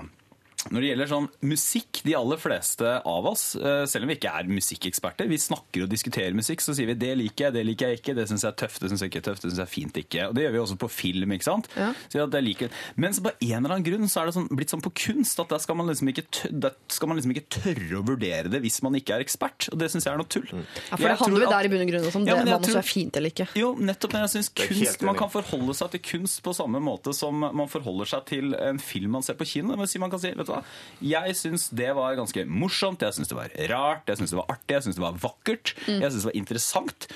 Så, og så trenger du ikke være noe ekspert på det. Også hvis du syns det er gøy å gjøre det, så kan du kanskje lese deg litt opp og gå på flere ting og sånn. Så det er helt lov å bare mene ting om det. Og så er det på samme måte som innenfor film, så er det noen som kan mye om det, noen som kan lite om det, men det er lov å synse allikevel. Det er jeg helt enig i, men de fleste av oss tør ikke. Vi er nesten redd for å si noe galt. Fordi, som om det var liksom ett svar på hva som er god kunst. Det er også lov til å si det ga meg ingenting. Ja. Det er masse kunst som jeg syns jeg ikke forstår, eller som ikke gir meg noe. Og så er det masse som jeg syns er helt fantastisk, som overgår alt annet, bortsett fra naturen. Er det lov å si det ga meg ingenting, men det var veldig myk å ligge på? Hvis det f.eks. er en vevet teppe eller noe sånt? Ja, eller man kan si Ja, det det er jo deilig, det. er ikke noe for meg, det det var veldig tysk, kan man si. Eh, Brukskunst. Audun, du får et helt annet spørsmål her eh, til en som er anonym. Vet ikke om det er jente eller gutt eller alder eller hvem som spør, men det er en som spør. Eh, Hvordan er du som pappa? Oi. Um, jeg håper jo at jeg er en bra pappa. Ehm, jeg er i hvert fall veldig opptatt av det. Du vet, når du eh, får små barn, så eh, blir jo livet veldig annerledes. Alt det andre vi har diskutert her, sånn venner og, og sånn, er jo sånne ting som var en greie i mitt liv før ungene kom. Nå er det jobben og ungene. eh, og Litt kona, eller? Ja. Eh, men ikke tid til så veldig mye annet. Så jeg er veldig opptatt av at eh, eh, ungene skal, skal ha førsteplass i livet. Og det er utrolig gøy, da. Det, det er Men Er du sånn lekepappa, eller er du sånn streng sitte ved bordet-pappa? Eller Nei, jeg er, sånn, eh, jeg er nok sånn lekepappa, ja. lekepappa? Uh, jeg er det. Uh, det er det er veldig gøy å, å leke med de små ungene og, og se liksom hvordan de eh, de forandrer seg veldig fort, ikke sant? Og så, og så får du kontakt. Det fineste i verden er å gå i barnehagen og se de her to små ungene som kommer og er glad fordi jeg glad fordi jeg kommer. Og er det sånn som står stille i et hjørne helt til opera at du er der, bare for å observere hvordan de oppfører seg blant andre? Nei, nei, når jeg titter inn vinduet og ser eh, Men eh, nei, jeg er veldig ivrig etter å komme inn raskest mulig. Skal jeg generelt være forsiktig som skjeggete mann med å gå og titte inn i Ja, det er barnehagen. Snok utenfor Men siden du er er politiker, Audun, er jo sånn som eh, Hvis det f.eks. er et Altså er du sånn som liksom dytter plakater opp i vogna, og det ser jeg veldig mange politiske foreldre gjør, da. Ja, det er tar sånn, det med seg i så sett toåringen min har en plakat med eh, bedre åpningstider på polet eller lavere skatt på små og mellomstore bedrifter eller noe sånt. Er du sånn som Gjør du det? Eh, Nei, jeg gjør ikke det, altså. Men det er litt fordi at jeg jeg er opptatt av at ungene mine skal slippe å først og fremst være barna til han her som er leder i SV. liksom. Så de skal i hvert fall slippe å gå rundt og være reklameplakater for partiet. Eh, Ja, det så hvis de heller vil spille fotball enn å liksom. gå i demo, så er det OK. Ja, det er jo ikke alltid det er kult at pappaen din er leder i SV. Men hvis de for ikke- eksempel, altså at de blir med i et annet parti, kanskje, det er greit. Men hvis de sier at vet du hva, pappa, jeg gidder ikke heie på Brann. Det syns jeg er men et det, drittlag. dette har jeg tenkt veldig mye på. Eh, fordi begge mine barn har eh, Det første plagget de hadde på seg, var en sånn brannsparkebukse. Og det var en veldig gjennomtenkt plan fra meg. fordi på fødestuen så hadde de en sånn stor brannlogo på seg. Um, og uh, det er fordi eh, primærplanen er at de skal holde med Brann, selv om de vokser opp i Oslo. Sekundærplanen er at hvis de f.eks. skulle gå hen og svikte meg så grovt at de holder med Vålerenga, så skal jeg ha de her bildene av de uskyldige barna i brannutstyr som de aldri kan komme seg unna. Er det et større svik at de holder med Vålerenga i framtiden, enn at de f.eks. stemmer Høyre? Ja, jeg har tenkt en del på det, og det er klart at jeg, jeg ville jo tatt det tungt, det òg, men det er kanskje det verste sant? Du, kan, altså, du kan skifte det meste i livet, men du kan bare ikke skifte fotballag. ikke sant? Men, men samtidig er det et dilemma. da. Eh, og det er, Jeg vokste opp i Bergen med en far fra Oslo, og han eh, holdt med Lyn. Oi. Jeg er jo veldig glad for at han ikke oppdro meg til å holde med Lyn. Han lot meg på en måte forholde med laget fra byen jeg var fra. Og Hvis ungene mine nå skal vokse opp i Oslo, så er det et slags så tenker jeg noen ganger at jeg kanskje burde la de holde med et lag fra Oslo, men så tenker jeg at nei, det ville vært feil. Drit i det. Ja. Ja. Så jeg har bestemt meg for at ja, det, det blir ikke sånn. Etter alt dette så syns jeg det passer eh, Jeg har fått eh, noen spørsmål til deg, Torbjørn, men da velger jeg å spørre deg, eh, stille deg dette spørsmålet. Hva syns du om Audun? Hva syns jeg om Audun? Jeg, jeg, jeg, jeg liker Audun ganske godt. Jeg. Altså, Audun ble jo en gang, jeg husker jeg, Det var en eller annen kommentator som beskrev Audun som litt morsk og hard i klypa. eller noe sånt. Jeg vet Hard i klypa? Går du og klyper folk? Eller masserer du folk? Sånn som man masserer folk på Stortinget. Klarer når Erna går forbi, så må jeg klype! Jeg klarer, klarer. Nei, jeg, men han er, jeg syns Audun er eh, en både morsom og uh, fin person. Ja. Ja. Det er det korteste svaret du noensinne har gitt her i Lørdagsrådet. Men jeg tror det. Jeg ser det i øynene dine. Lørdagsrådet på P3. Fender, heist og kino har vi hørt. I bakgrunnen hører vi Torbjørn Røe Isaksen som intervjuer eh, min eh, barnevakt. For jeg har med meg en bitte liten eh, jente på jobb i dag. Sånn er det når til og med lokførere må på julebord, dessverre. Og da er de ikke skikket til å ta ansvar for sine egne barn dagen derpå. og Gunhild ble plutselig et annet menneske. Vi skal ta et uh, problem. Uh, Audun Lysbakken, Torbjørn Røe Isaksen og Gunhild eh, Dahlberg. Hei, Lørdagsrådet. Jeg skulle gjerne hatt noen råd til en kjapp og smart replikk. Jeg er en jente på 25 år som har vært singel i litt over tre. Og hver jul når jeg kommer hjem og drar i familieselskap, kommer det samme spørsmålet. Fra tanter, onkler, besteforeldre, stesøsken osv. Har du fått deg kjæreste, da? Jeg trives i utgangspunktet godt som singel, er alminnelig pen og har en jeg kan ligge med, men jeg kjenner at dette evinnelige kjærestespørsmålet begynner å krype under huden min. Og jeg tar meg selv i å tenke ja, det er vel på tide å få seg kjæreste, da. Det irriterer meg grenseløst at familie ute i periferien har en så stor innvirkning på hva jeg selv tenker, og jeg føler en treng, trang til å sette dem på plass en gang for alle. Nå er det jo snart jul igjen, og jeg ønsker noen råd eh, om hva jeg kan svare i årets familiesammenkomster som får slutt på dette spørsmålet. Jeg har vurdert noe sånn som nei, jeg har ikke kjæreste, men jeg har et par-tre stykker jeg driver og puler på. Da jeg tidligere har erfart at ordet pule er et svært virkningsfullt ord, men jeg er redd det kan bli for kraftig kost for bestefaren min på snart 90. Så hva kan jeg si? Jeg har prøvd å si det som det er, at jeg trives som singel. Eh, Jeg har ikke noe hastverk. Eh, Hun er student og skal studere i tre år til. Eh, Men jeg får bare skuffa blikk og nikking til svar, antageligvis fordi de føler seg snytt for en juicy kjærlighetshistorie eller lignende. Hilsen singelglad og spørsmålsleie jente. Altså Her trenger vi en kjapp, smart, snappy replikk som får altså, familien til å holde tåta. Ja, Syns sånn- at- ja. Unnskyld, Nei, Gunnar. jeg syns det var fin, eh, det hun hadde tenkt å si. Eh, Jeg driver og puler på P-ordet. folk. Ja, ja. Det kan en si. Men det er, er det ikke veldig mange som er ensomme i jula? Det må mulig å leie seg en person som kan eh, være anstand. Si ja, dette her er min nye venn.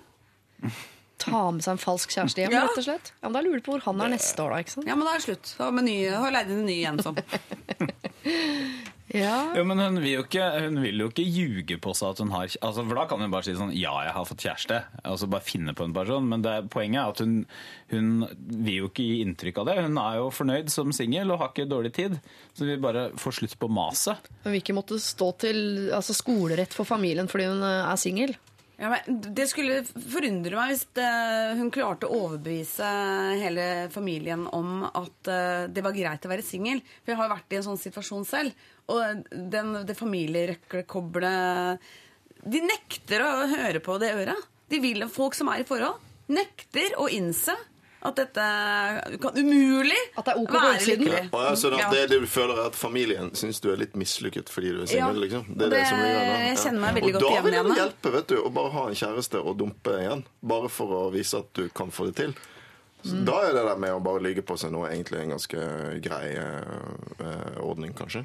Si ja. bilde av en. Ja, bare si ja. Eh, Det er han her. Har bare bilde på telefonen og sånn. Og så neste gang jeg spør, så er han ute av fråga. Jeg dumpet han. Jeg trives bedre som singel. Da Ja, vil jeg da kanskje tro kan det. du si det, ikke sant? Ja. For da kan du, ja.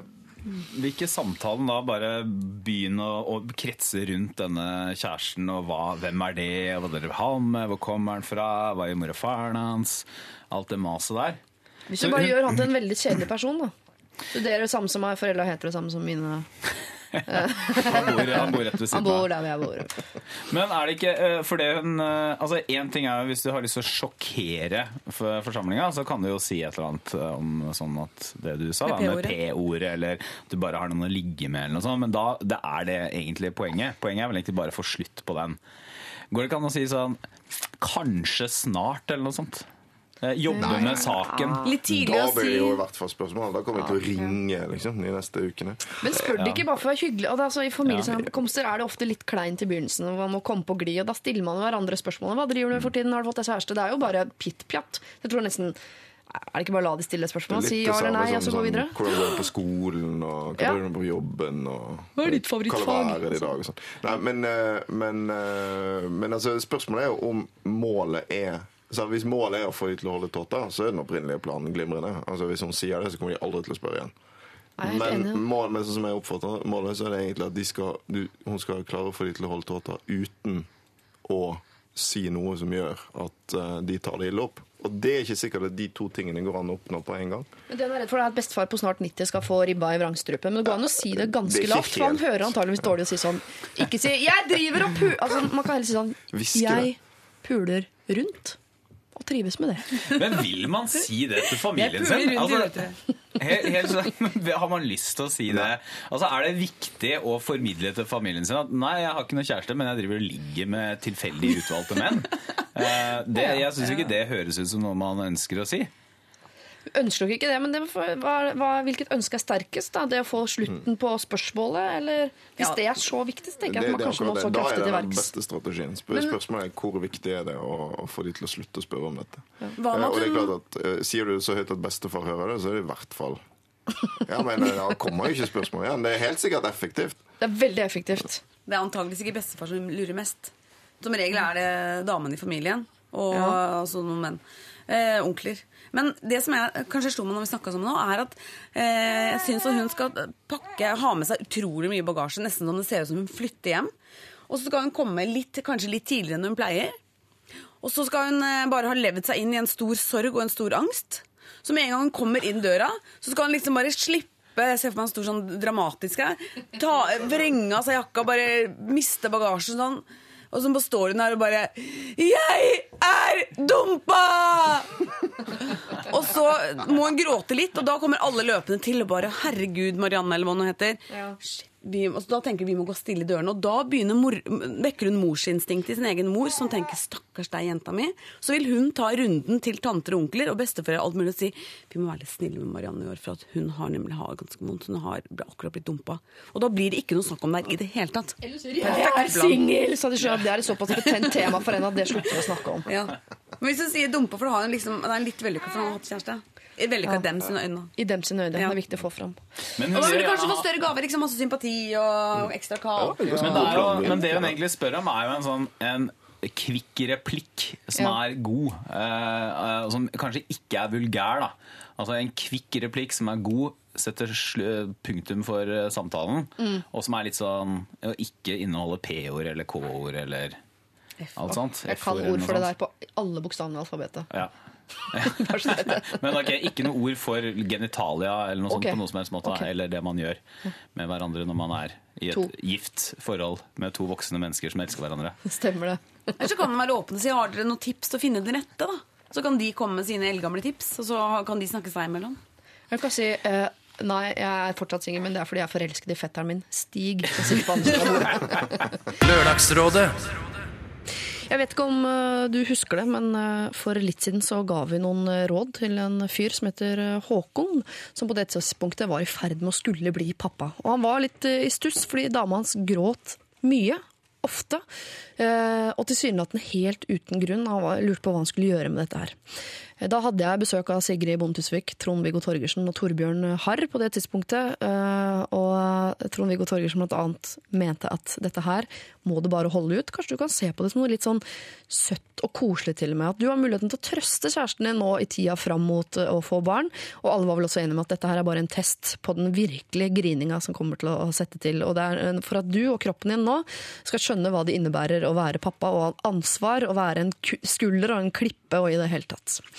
Siden den gang så har Håkon blitt pappa, han. Eh, Han kan fortelle at det har kommet en eh, nydelig liten, liten, pjokk. Jente.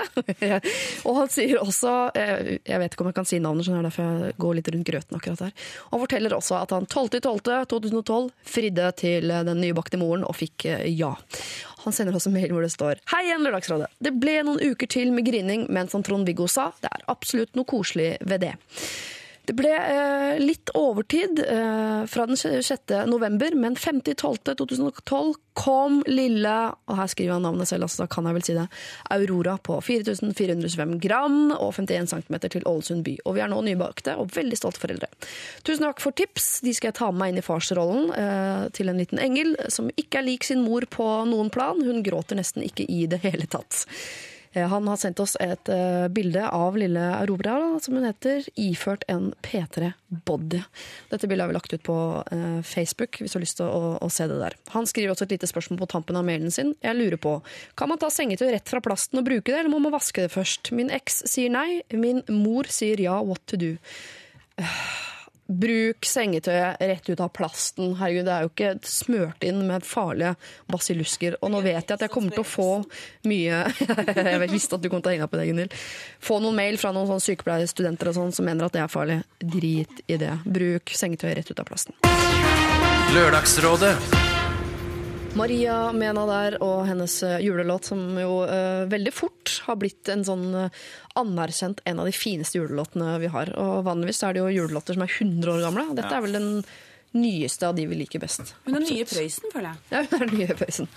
Uh, har jo, vi spiller jo også inn med Marit Larsen og Kråkesølv sammen med Kringkastingsorkesteret, som kommer høyt opp på julelåtlista. Altså absolutt. Eh, i- dag, Gunhild Dahlberg eh, er her for jeg vet ikke hvor mange ganger du har vært med i Lørdagsrådet, men det begynner å bli ganske mange etter hvert. Det samme gjelder deg, Torbjørn Røe Isaksen. Ja. Au- Audun Lysbakken er her for første gang som Yes. rådgiver. Og du har fått eh, to SMS som jeg tenkte jeg skulle lese høyt for deg. Eh, det ene er eh, en som skriver Audun Lysbakken er definitivt den mest sexy på Stortinget. Og den stemmen. Så herlig, mystisk, mørk og vakker. Sorry, Torbjørn. Er det en som skriver? Og så kommer det tett rett etterpå en annen uh, SMS. hvor står Hei, Audun! Hvordan er det å gå rundt på Stortinget og være den kjekkeste mannen i Norge? Hilsen Morten. Tusen takk, Morten. Det, jeg, jeg må jo være på P3 oftere. skjønner jeg. Ja, så mye fint. Torebjørn sa fine ting om meg. Ja, men nei, du, det var jo veldig hyggelig, da. Ja. Uh, takk for det. Er du et homsiko? Eh, Ikke så vidt jeg vet. Eh, Men, eh, men altså, homser har jo veldig stil, så de ville glede meg hvis jeg var det. De har veldig god smak, da var det han tenkte å si, ikke sant? Men er det, sånn at, er det sånn at når du går inn døra på Stortinget om morgenen, jeg tenker litt sånn, ah, nå skal jeg møte dem og få meg en kaffe og sånn, er det sånn at du tenker da, jeg, jeg er den kjekkeste mannen på Stortinget. Du tar det som en Nå går jeg inn catwalk. Stortinget. Nei, jeg, eh, jeg, jeg gjør ikke det. Altså. Sprader du rundt deg, liksom? Jeg eh, tenker mest på hvordan vi skal komme oss over sperregrensen. Det er bra. Det tror jeg kanskje er lurt. Vi tar et lite problem her fra en som skriver Hei, Lørdagsrådet. Jeg tar meg selv i å le høyt på trikken. Takk for at dere gjør morgenen min artig. Sitter likevel her med et ganske rart problem. Venninnen min og jeg var på Roskilde i sommer, og en kveld bestemte vi oss for å gå inn i rollen som en annen for å eh, splitte oss og ha hver vår kveld med eventyr. Den kvelden presenterte jeg meg med et dobbeltnavn jeg selv hadde funnet på. Det vil si, jeg la på et eksotisk mellomnavn etter mitt eget fornavn. Denne kvelden møtte jeg en fyr jeg falt pladask for, og som i dag er min kjæreste. På vår første date etter festivalen sa han at han syntes mellomnavnet mitt var veldig fint, og jeg så ingen grunn til å røpe at det bare var en snål spøk.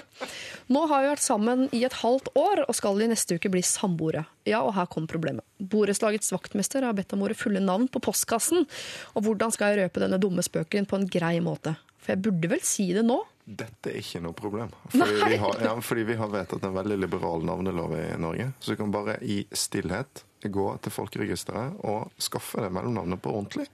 Ikke avskaff løgnen, men skaff deg navnet. Ja, det må være det, Ja, det det, var, det, det, det, jeg synes det, er, det er genialt. Det er genialt. Så lenge det ikke er et, det er noen navn som er sånn beskytta. Så hvis det er, hvis det er f.eks. Langballe, som jo er en stor og mektig slekt i Norge, Er det eksotisk? eh, det er jo relativt eksotisk Ja, jeg å faktisk. være kalt opp etter en lang balle, eh, vil jeg si. Men så lenge det ikke er langballe eller andre finere navn, så er det bare kjør på. Tror, ser du for deg en jente på Roskilde sommer som går ut og tenker sånn I dag skal jeg ha det gøy, jeg legger til langball jeg på navnet. kan jo hende. Ja, kanskje på Roskilde, faktisk. Hvis du allerede sover i sånn urininfisert telt, så kanskje langball er greit mellomnavn. Er det ingen som er vi, Det er lov å ta en så kort runde på et problem? Ja, men- jeg men er ikke det veldig for det, altså. åpenbart? Ja, jeg syns det var det ja, genialt. Ja. Da går vi videre. Vi er i Lørdagsrådet eh, etter et så Det er det mest konkrete rådet vi noensinne har gitt i Lørdagsrådet, tror jeg. Ikke avskaff problemet, bare skaff deg navnet. Og så koselig at du har funnet eh, kjærligheten og har flyttet, flyttet sammen, selv om det er basert på en eh, liten grunnmur av løgn. Men det får være greit. Lørdagsrådet på P3. Eh, vi skal holde oss litt til Vi var jo innom dette med var en jente som hadde skrytt på seg et navn hun ikke hadde, og blitt sammen med en fyr og lurt på om hun nå måtte eh, avsløre bløffen, men vi ga henne da råd om å nei, skaff deg heller navnet. Og vi skal holde oss litt i det landskapet. Eh, fordi her er det en som sender SMS og skriver i kveld skal jeg på date med en gutt jeg møtte for to uker siden. Da vi møttes, hadde jeg ikke pyntet meg, jeg hadde lite sminke og fjellboots. Burde jeg da være mest mulig som da vi møttes også i kveld, eller skal jeg pynte meg, som jeg jo liker veldig godt? Men da kan det hende at han ikke liker denne andre meg. Altså Her er nesten motsatt problem av hva vi jenter ofte møter. At Vi har møtt en fyr oversminket, og så har vi lyst til å eh, vise vårt sanne ansikt. Men her er det litt motsatt. Hun har lyst til å ta på seg maskara og finkjolen i kveld. Ja, er det det som Min første assosiasjon, det var håndballjentene. Ja. Og skijentene og sånn. Altså, en av de tingene vi liker veldig godt, det er å se at de, liksom, de er, jobber i hardt i sporet eller vinner en kamp og sånn. Uten så mye sminke og med mye svette og, og kanskje litt slim til og med, for at de er slitne. Og så får du liksom de bildene på gallaen på kvelden hvor de har pyntet seg og sånn. Og jeg føler at det gjør dem bare enda flottere. Oh, ja. At de, har, at de, kan, de er liksom røffe og går i, kan spille håndballkamp, eller da gå i fjellboots, Ja. men de kan også pynte seg. Altså, hvis det, ja, Han her typen kommer jo ikke til å ikke like at hun har pyntet seg når de skal møtes. Nei. Det er, det er helt safe å pynte seg. altså. Ja, for Hvis han har vært en sånn fyr som bare liker damer i fjellboots og, og, og sånn naturlig usminket, så, altså Lars Monsen for eksempel Men, jeg da tror det er er det kanskje han. ikke det hun vil ha. da. Nei, for det, kommer an på hvis vi skal på datekveld til Men Masino eller restaurant eller sånn. Hvis han har bedt henne på for eksempel telttur eller Men da burde jo Lars Monsen heller ikke blitt sammen med Trine Rein, hvis vi skal være helt ærlige. Nei, det er sant. Som jo, så vidt jeg har registrert, går med sminke. Jeg trekker tilbake alt jeg noensinne har sagt, faktisk, basert på det der. Gunnhild, du er helt i stuss over det, for du er jo hun jenta med fjellboots. Ja, det er jeg som Nei, i stuss. du kunne vært, kunne vært. Ja, jeg, jeg kjenner meg kjempegodt igjen. Det kunne nesten vært meg som hadde sendt inn det, faktisk. Men, for jeg, jeg hadde jo virkelig kvia meg for eh, å ta på meg en satengkjole. Og komme jeg med, med løsslipper og akrylnegler. eh, og høye hæler. Da hadde, jo, da hadde jeg jo virkelig kledd meg ut. Hadde han, hadde, han trodde han var på date med meg. Jeg hadde følt at jeg var en klovn. Ja. Skjønner du? Jeg følte at jeg hadde virkelig dratt på. Så, jeg, jeg, men jeg hører at disse guttene sier at det er aldri feil å pynte seg. Eh, jeg, men jeg, det er jo ikke jeg, jeg er jo ikke gutt. Jeg tenker at jeg ville kanskje tona det litt ned. Det er lov til å ta på seg maskara, men jeg vil ikke komme liksom med full sånn Dorte Skappel-makeup, da. Men hun, hun er på sending, men hun går visst ganske usminka til vanlig. Men, eh, Det gjør hun. Ja. Men vi kan vel si nå at det er greit å pynte seg, men du trenger ikke å kle deg ut. Altså, Det er jo ikke ballkjole hvis du skal på puben, selvfølgelig. Men, men altså eh, det er jo er ikke det bare Det, det viser jo bare han at eh, hun eh, har gledet seg til dette, at det betyr litt å være på denne daten. ja. Det er jo kanon. Det er jo ingen som ikke blir glad for det. Nei, bortsett fra Det er de få, få, få mikroskopisk få da, som Men da er det kanskje sånn feil fyr, sant? ja. Er ikke det da? Ja, men hvis, du går, hvis han går hjem igjen fordi hun ikke har fjellboots, da er han litt snever. Altså. Men litt man kan ut. jo kanskje se han, eh, hva slags fyr han og hvor var det, eh, hva slags fyr er han, og hvor var det de møttes. Ja. Hvis de møttes på sånn high camp-aktig sted, eller på Finse eller på en eller annen DNT-hytte, så er det jo naturlig at han hadde på seg fjellsko. Og kanskje han kommer eh, rett fra solariet, hvis du skjønner, og har eh, på seg sånne spisse mokasiner og, og noe, noe annet fjoll på seg. Ja. Eh, så du kan kanskje se an litt eh, typen, da. Sånn. Men du må jo være seg sjøl, da. Det er ikke det som er viktigst. Ja, så må jo Et nytt forhold må jo bygge på en mur av ærlighet, eh, bortsett fra dette Nei, det er lov med litt navnet. Ja, bortsett fra litt ljugisk navn, jeg er enig. Ja. Nei, men jeg, for, altså Konsensusen her er veldig er jo, for at Vi snakker jo ikke om at hun skal gjøre seg til. Vi, det Audun sier, som jeg er enig i, det er jo bare at hun sier hun liker å pynte seg. Ja, men gjør det. Og så pynter du deg basert på hvor du skal hen. Skal du på puben og spille biljard, så pynter du deg kanskje litt mindre enn hvis du skal på Konserthuset. Og det går vel, det. Ja. Og det er jo hyggelig, syns jeg. Jeg synes jo det er, Når det er en date, så er det hyggelig å prøve å se ut som det er en date. At man ikke bare møtes som to kompiser for å ta en øl. Og så er det dumt å legge lista der, og hvis du kommer nå også uten sminke og med fjellboots den gangen her, så er det på en måte, da har du eh, lagt lista på hvor du må være resten av forholdet. Da blir det bare fjellboots herfra og, og ut. på en måte. Det er litt kjedelig, det òg. Man må jo, hvis hun liker å pynte seg, så må hun jo vise den siden av seg selv nå. Og hvis han ikke liker den siden, nei vel, så kan det ikke bli to, de to. For hun må jo få slippe fram den siden av seg selv en eller annen gang. Ja. Gunhild, Trakk du tilbake? Du hadde er hånda i været. Ja, jeg er enig. Jeg er enig i det. men Hva var det du skulle si ja, før jeg sa det jeg sa, som var så utrolig smart, siden du tok ned hånda di?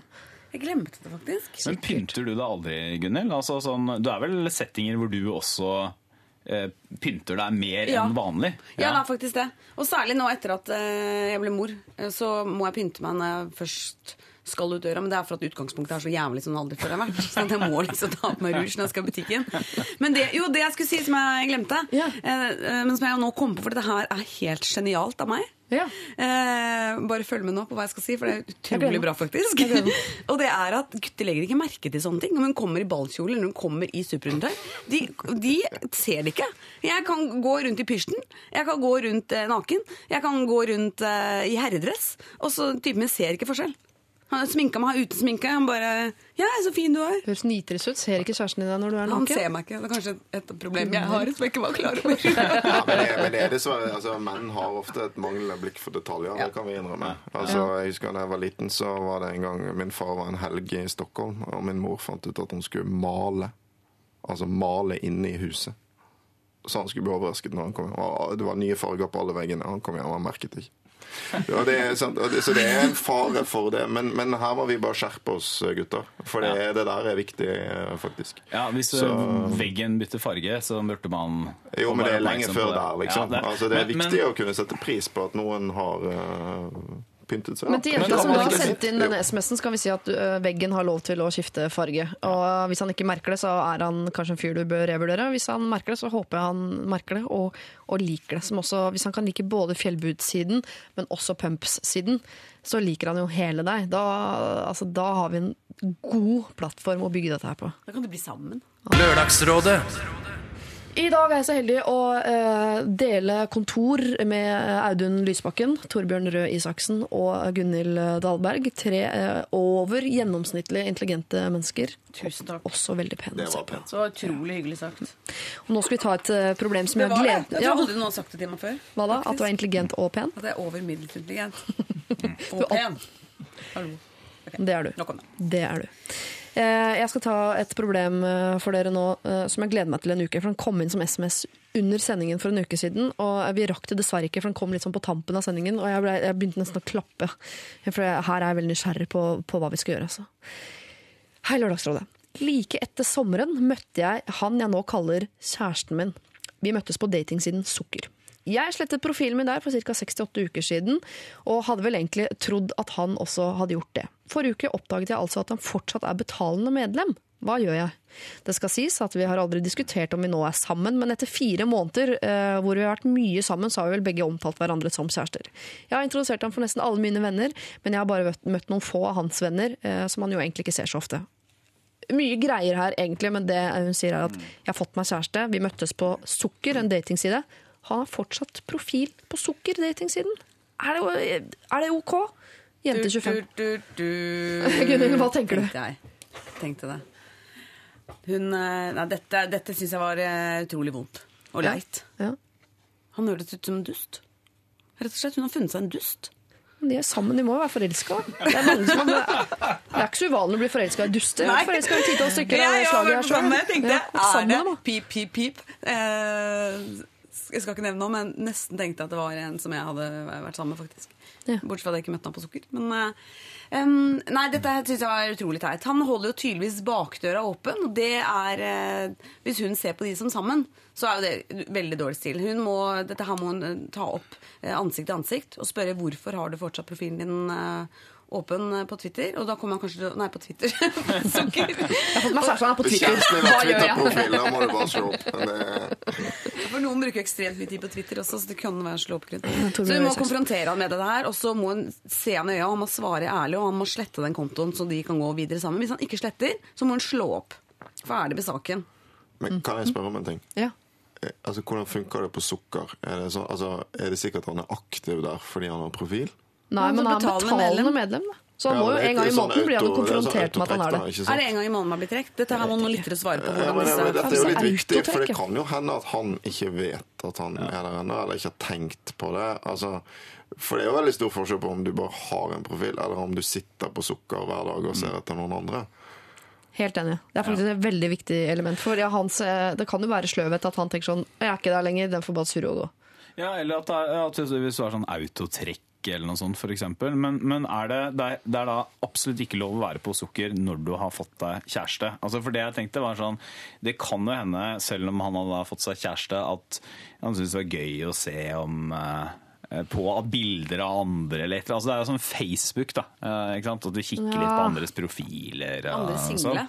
Mm. Ja, det er det som er problemet. Nei, jeg skjønner at Særlig når de møttes der. Men, men kan, hvis jeg kan ha en litt annen innfallsvinkel til problemet, så vil jeg kanskje sagt at grunnspørsmålet det er er de sammen.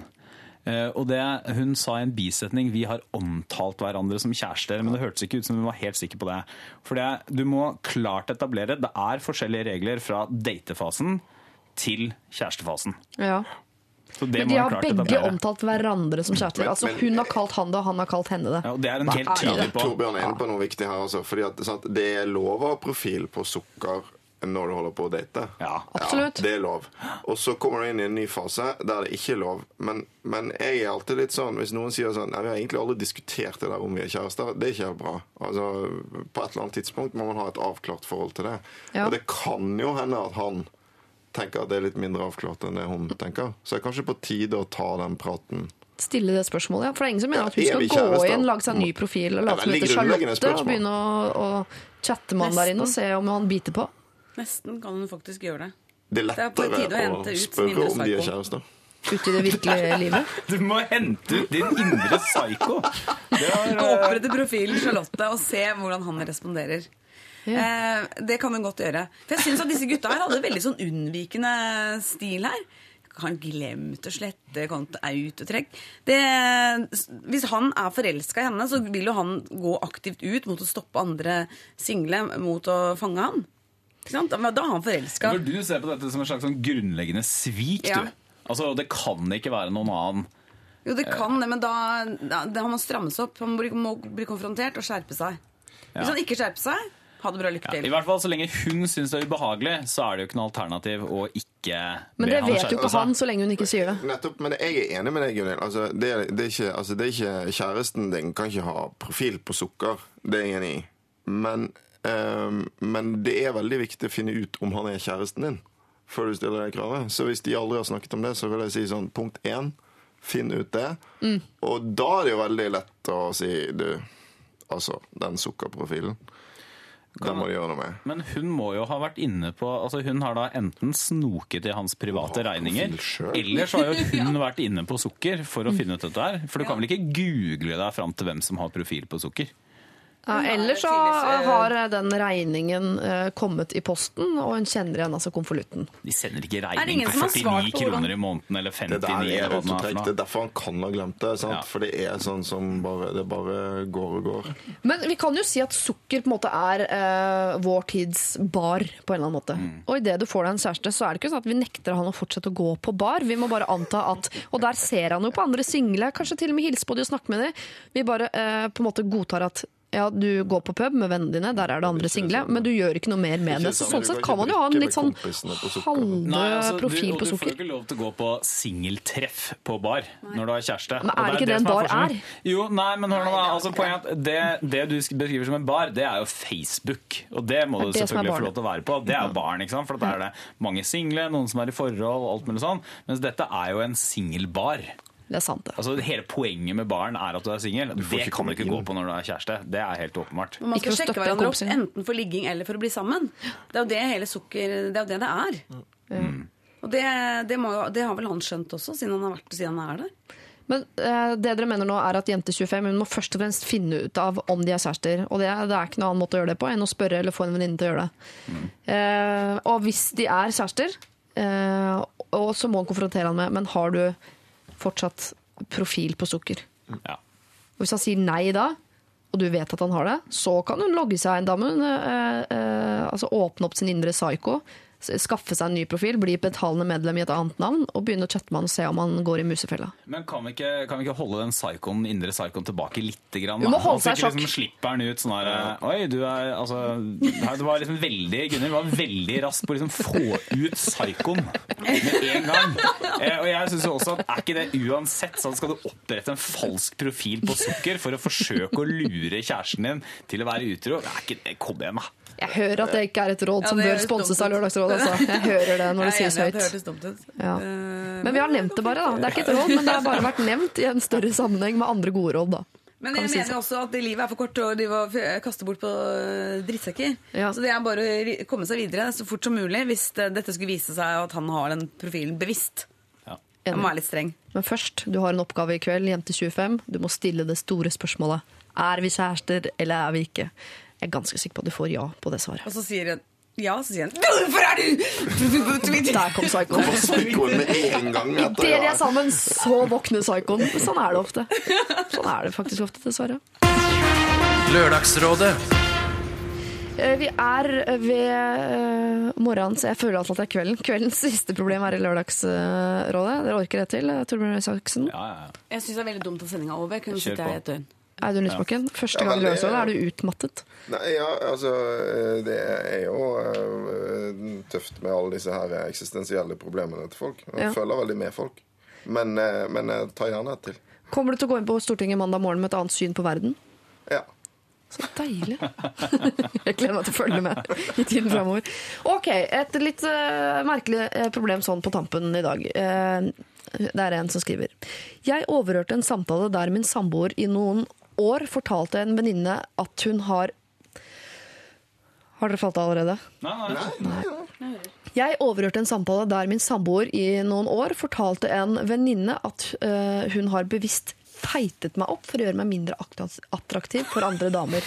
Kake- og godnattmathimmelen fikk plutselig en annen karakter. Jeg er sjokkert. Hva mener dere? Altså, det er en eh, mann som har hatt en samboer eh, i noen år, og nå har han hørt at samboeren har fortalt venninnen sin at hun feter han opp for å gjøre han mindre attraktiv. Jeg er også sjokkert.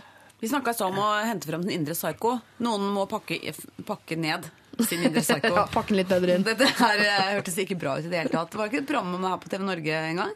Før TV Norge la om profilen, og da TV Norge var veldig morsomt. Men det var jo de som, var, som elsket liksom, kvinner eller menn som veide et halvt tonn. og Ja. sånn. Det var noe litt annet. For de var jo sånn som tente på Sånn feedere. morbid Ja, feedere, ja. Ja. De er morbid fete folk. Ja. Feite folk. Og det, det vil jo sikkert ikke hun jenta her innrømme at hun gjør. At det er derfor. Så hun py- pynter på sannheten sier at det er for å gjøre folk mindre attraktive. Uansett, det er ikke pent gjort. Men er ikke dette her eh, Vet du hva, Jeg syns det er så deilig at det blir sagt, jeg. For dette er jo det vi menn har mistenkt i veldig mange år. Det sant? Ja, altså Alle blir jo tjukkere av å få kjæreste. Ja. Nesten alle, i hvert fall. Eh, I hvert fall de av som liksom har anlegg for å bli tjukkere. Og det er veldig sånn raust eh, raus, Rause porsjoner og ofte lørdagsgodt på torsdager og sånn. Eh, Og nå skjønner jeg jo hvorfor. Det er jo fordi at eh, det er kanskje sånn jeg tror, Er ikke dette vanligere problem enn bare for den kvinnen der? Dere ser helt sånn Jeg ble litt bekymret nå, fordi at altså, min kone driver og tvinger meg til å løpe og spise mer sunt oh, ja. og alt sånt. Ja. Hun vil bli kvitt deg. Ja, jeg, jeg, jeg tror at det var et tegn på at hun er glad i meg, men nå ble jeg litt i tvil. En gang så hørte jeg noen sa at de syntes at uh, Lysbakken var så kjekk før, men nå hadde han blitt så tynn, for han har begynt å løpe så masse. Det er helt sagt noen sa det. Jeg Var, det noen som sa det? Herregud, øh, ja, jeg må hjem og Har du blitt snakke om det tynnere etter at du ble gift mann? Tror kanskje det. Det er Ja, ganske imponerende. så Jo, men, Men du er også blitt tynnere, Torbjørn, enn du har vært eh, mer godslig enn det du er nå, du. Ja, men jeg går litt sånn opp og ned. Jeg er sånn jojo. eh, jojo. Ja, jeg liker sånn veldig. Jeg har en sånn radius. Ja. Så ja. Men jeg har åpenbart blitt litt tjukkere siden jeg fikk eh, et forhold. Oh, ja. Det gjør jeg. Men jeg syns altså, jeg, eh, Nå siden alle var så negative til dette her, altså, at- Men er det ikke egentlig litt koselig, da? Dette er, altså, hva, er, hva er tapet for han? Han er jo sammen med må vi anta da, kvinnen han elsker. Han får veldig mye god mat, og kan, så lenge han da ikke får hjerteinfarkt som 40-åring, kan kose seg og hygge seg med det. Og samboeren hans, var det det, eller kona hans eller kjæresten hans, syns at det er fantastisk. Hun vil gjerne at det skal være sånn.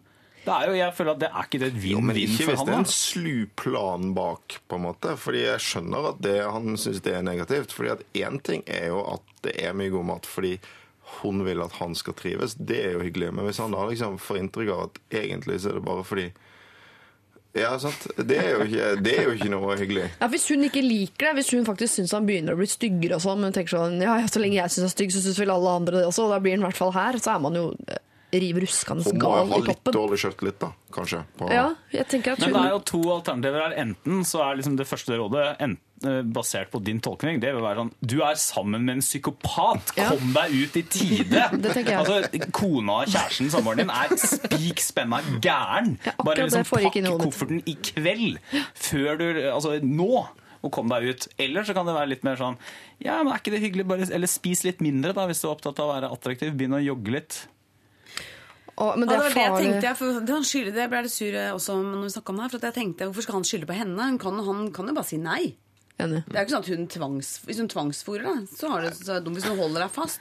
Binder deg fast i senga og stapper wienerbrød og kremboller ned i munnen din. Våkner av natta at du har sånn intravenøst ribbefett i Ja. en kanyle i Det er vanskelig å si nei til god mat. Den mest effektive måten å unngå å spise god mat på, er å ikke ha god mat.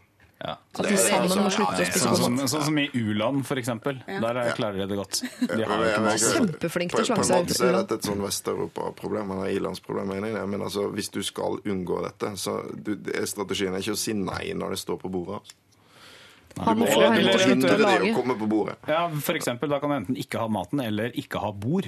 Det er også et alternativ. Selvfølgelig. Men uh, synes, er det ingen som han skal konfrontere henne med dette? Det er jo litt Altså, hun må jo være en veldig sjalu og usikker jente. Her er et annet, eh, en, enda en mulig mulighet, og det er at hun har tulla, rett og slett. Og at det er han som faktisk har litt problemer.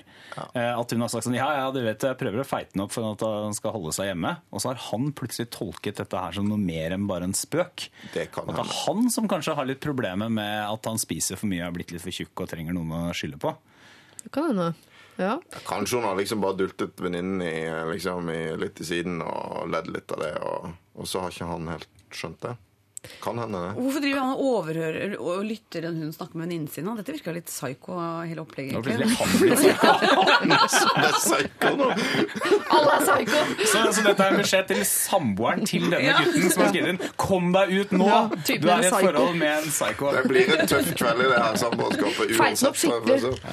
Nei, men vet du hva? Jeg, jeg tror at rådet må være ta, Du må ta kontroll selv. For at jeg, og det er, det, er, det er ingen som Når du vet om det nå, så er det jo du selv som bestemmer. Du har jo i hvert fall 50% å si i denne husholdninga. Da. Så da må du selv kunne si f.eks. at vet du hva, jeg syns vi skal prøve å spise litt sunnere. Ja, jeg har lyst til at vi to skal ha et langt og sunt liv sammen. Vi skal bli i hvert fall 100 år sammen Ja. begge to. Mm. Og kanskje vi får barn en dag, og da skal vi to sammen ut og ake. Og jeg, vil bli sunn for deg, min Ja. sære, vakre, fantastiske, smarte kone eller samboer eller kjæreste eller god venn eller hva de nå er. Eh, Skal vi ikke eh, roe ned på nattmaten, eksempel? Sånn Eller så kan han skaffe seg en profil på sukker, sånn at hun skjønner at det funker ikke. Bare Jo tjukkere jeg blir, jo mer ser jeg etter andre kvinner. F.eks. på sukker. Lørdagsrådet på P3. High Five for Life synger de. Blood Command. Det er en, en av de fineste sangtitlene jeg vet om. High Five for Life. Kul låt. Dere skal nå, og med dere så mener jeg da Gunhild Dahlberg, Torbjørn Røe Isaksen og Audun Lysbakken, dere skal få lov til å dele ut en eh, P3-T-skjorte. Eh, Den som får P3-T-skjorta, er altså den som dere sitter igjen med har gjort liksom mest inntrykk på dere, eller som dere føler at fortjener denne T-skjorta mest eh, etter de tre timene. Jeg skal oppdatere litt sånn at dere husker. Det var hun som har flyttet da nordover. Vi antar Bodø og lurer på om hun skal flytte tilbake til Oslo fordi hun møtte en gutt hun likte veldig, veldig godt rett før hun flytta. Eller så har vi Karsten Giftekniv, Kniv, som jeg kaller han, som har spleiset to gode venner, og nå føler han at de ikke har mer plass til han. Vi har hun med det lange, lange, lange lange håret som lurer på om skal klippe det litt. Veldig, eller ikke i det hele tatt. Eh, og så har du hun da som gruer seg til å komme hjem til jul fordi familien alltid stiller det samme spørsmålet. Har du fått deg kjæreste? Og lurer, eh, er usikker på hva hun skal svare.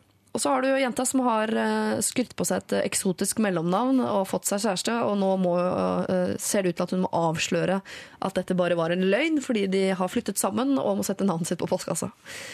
Eh, så er det hun som skal på date i kveld og lurer på om hun skal ta på fjellboots, som hun hadde på da de møttes første gang, eller om hun skal unne seg pumps og eyeliner i kveld. Og så har du sukker, men ikke søtt, som jeg kaller det. Dette paret som har møtt hverandre på sukker, de er nå kjærester, må vi anta. Men han har fortsatt profil på sukker. Og til slutt her, altså, eh, mannen som har overhørt eh, dama si, sier til en venninne at hun bevisst feter han opp for å gjøre han mindre attraktiv for andre damer. Hva sitter dere igjen med, folkens, som den som fortjener en T-skjorte aller, aller mest i dag? Det er mange inntrykk her når det kommer på så kort tid. Det er utrolig.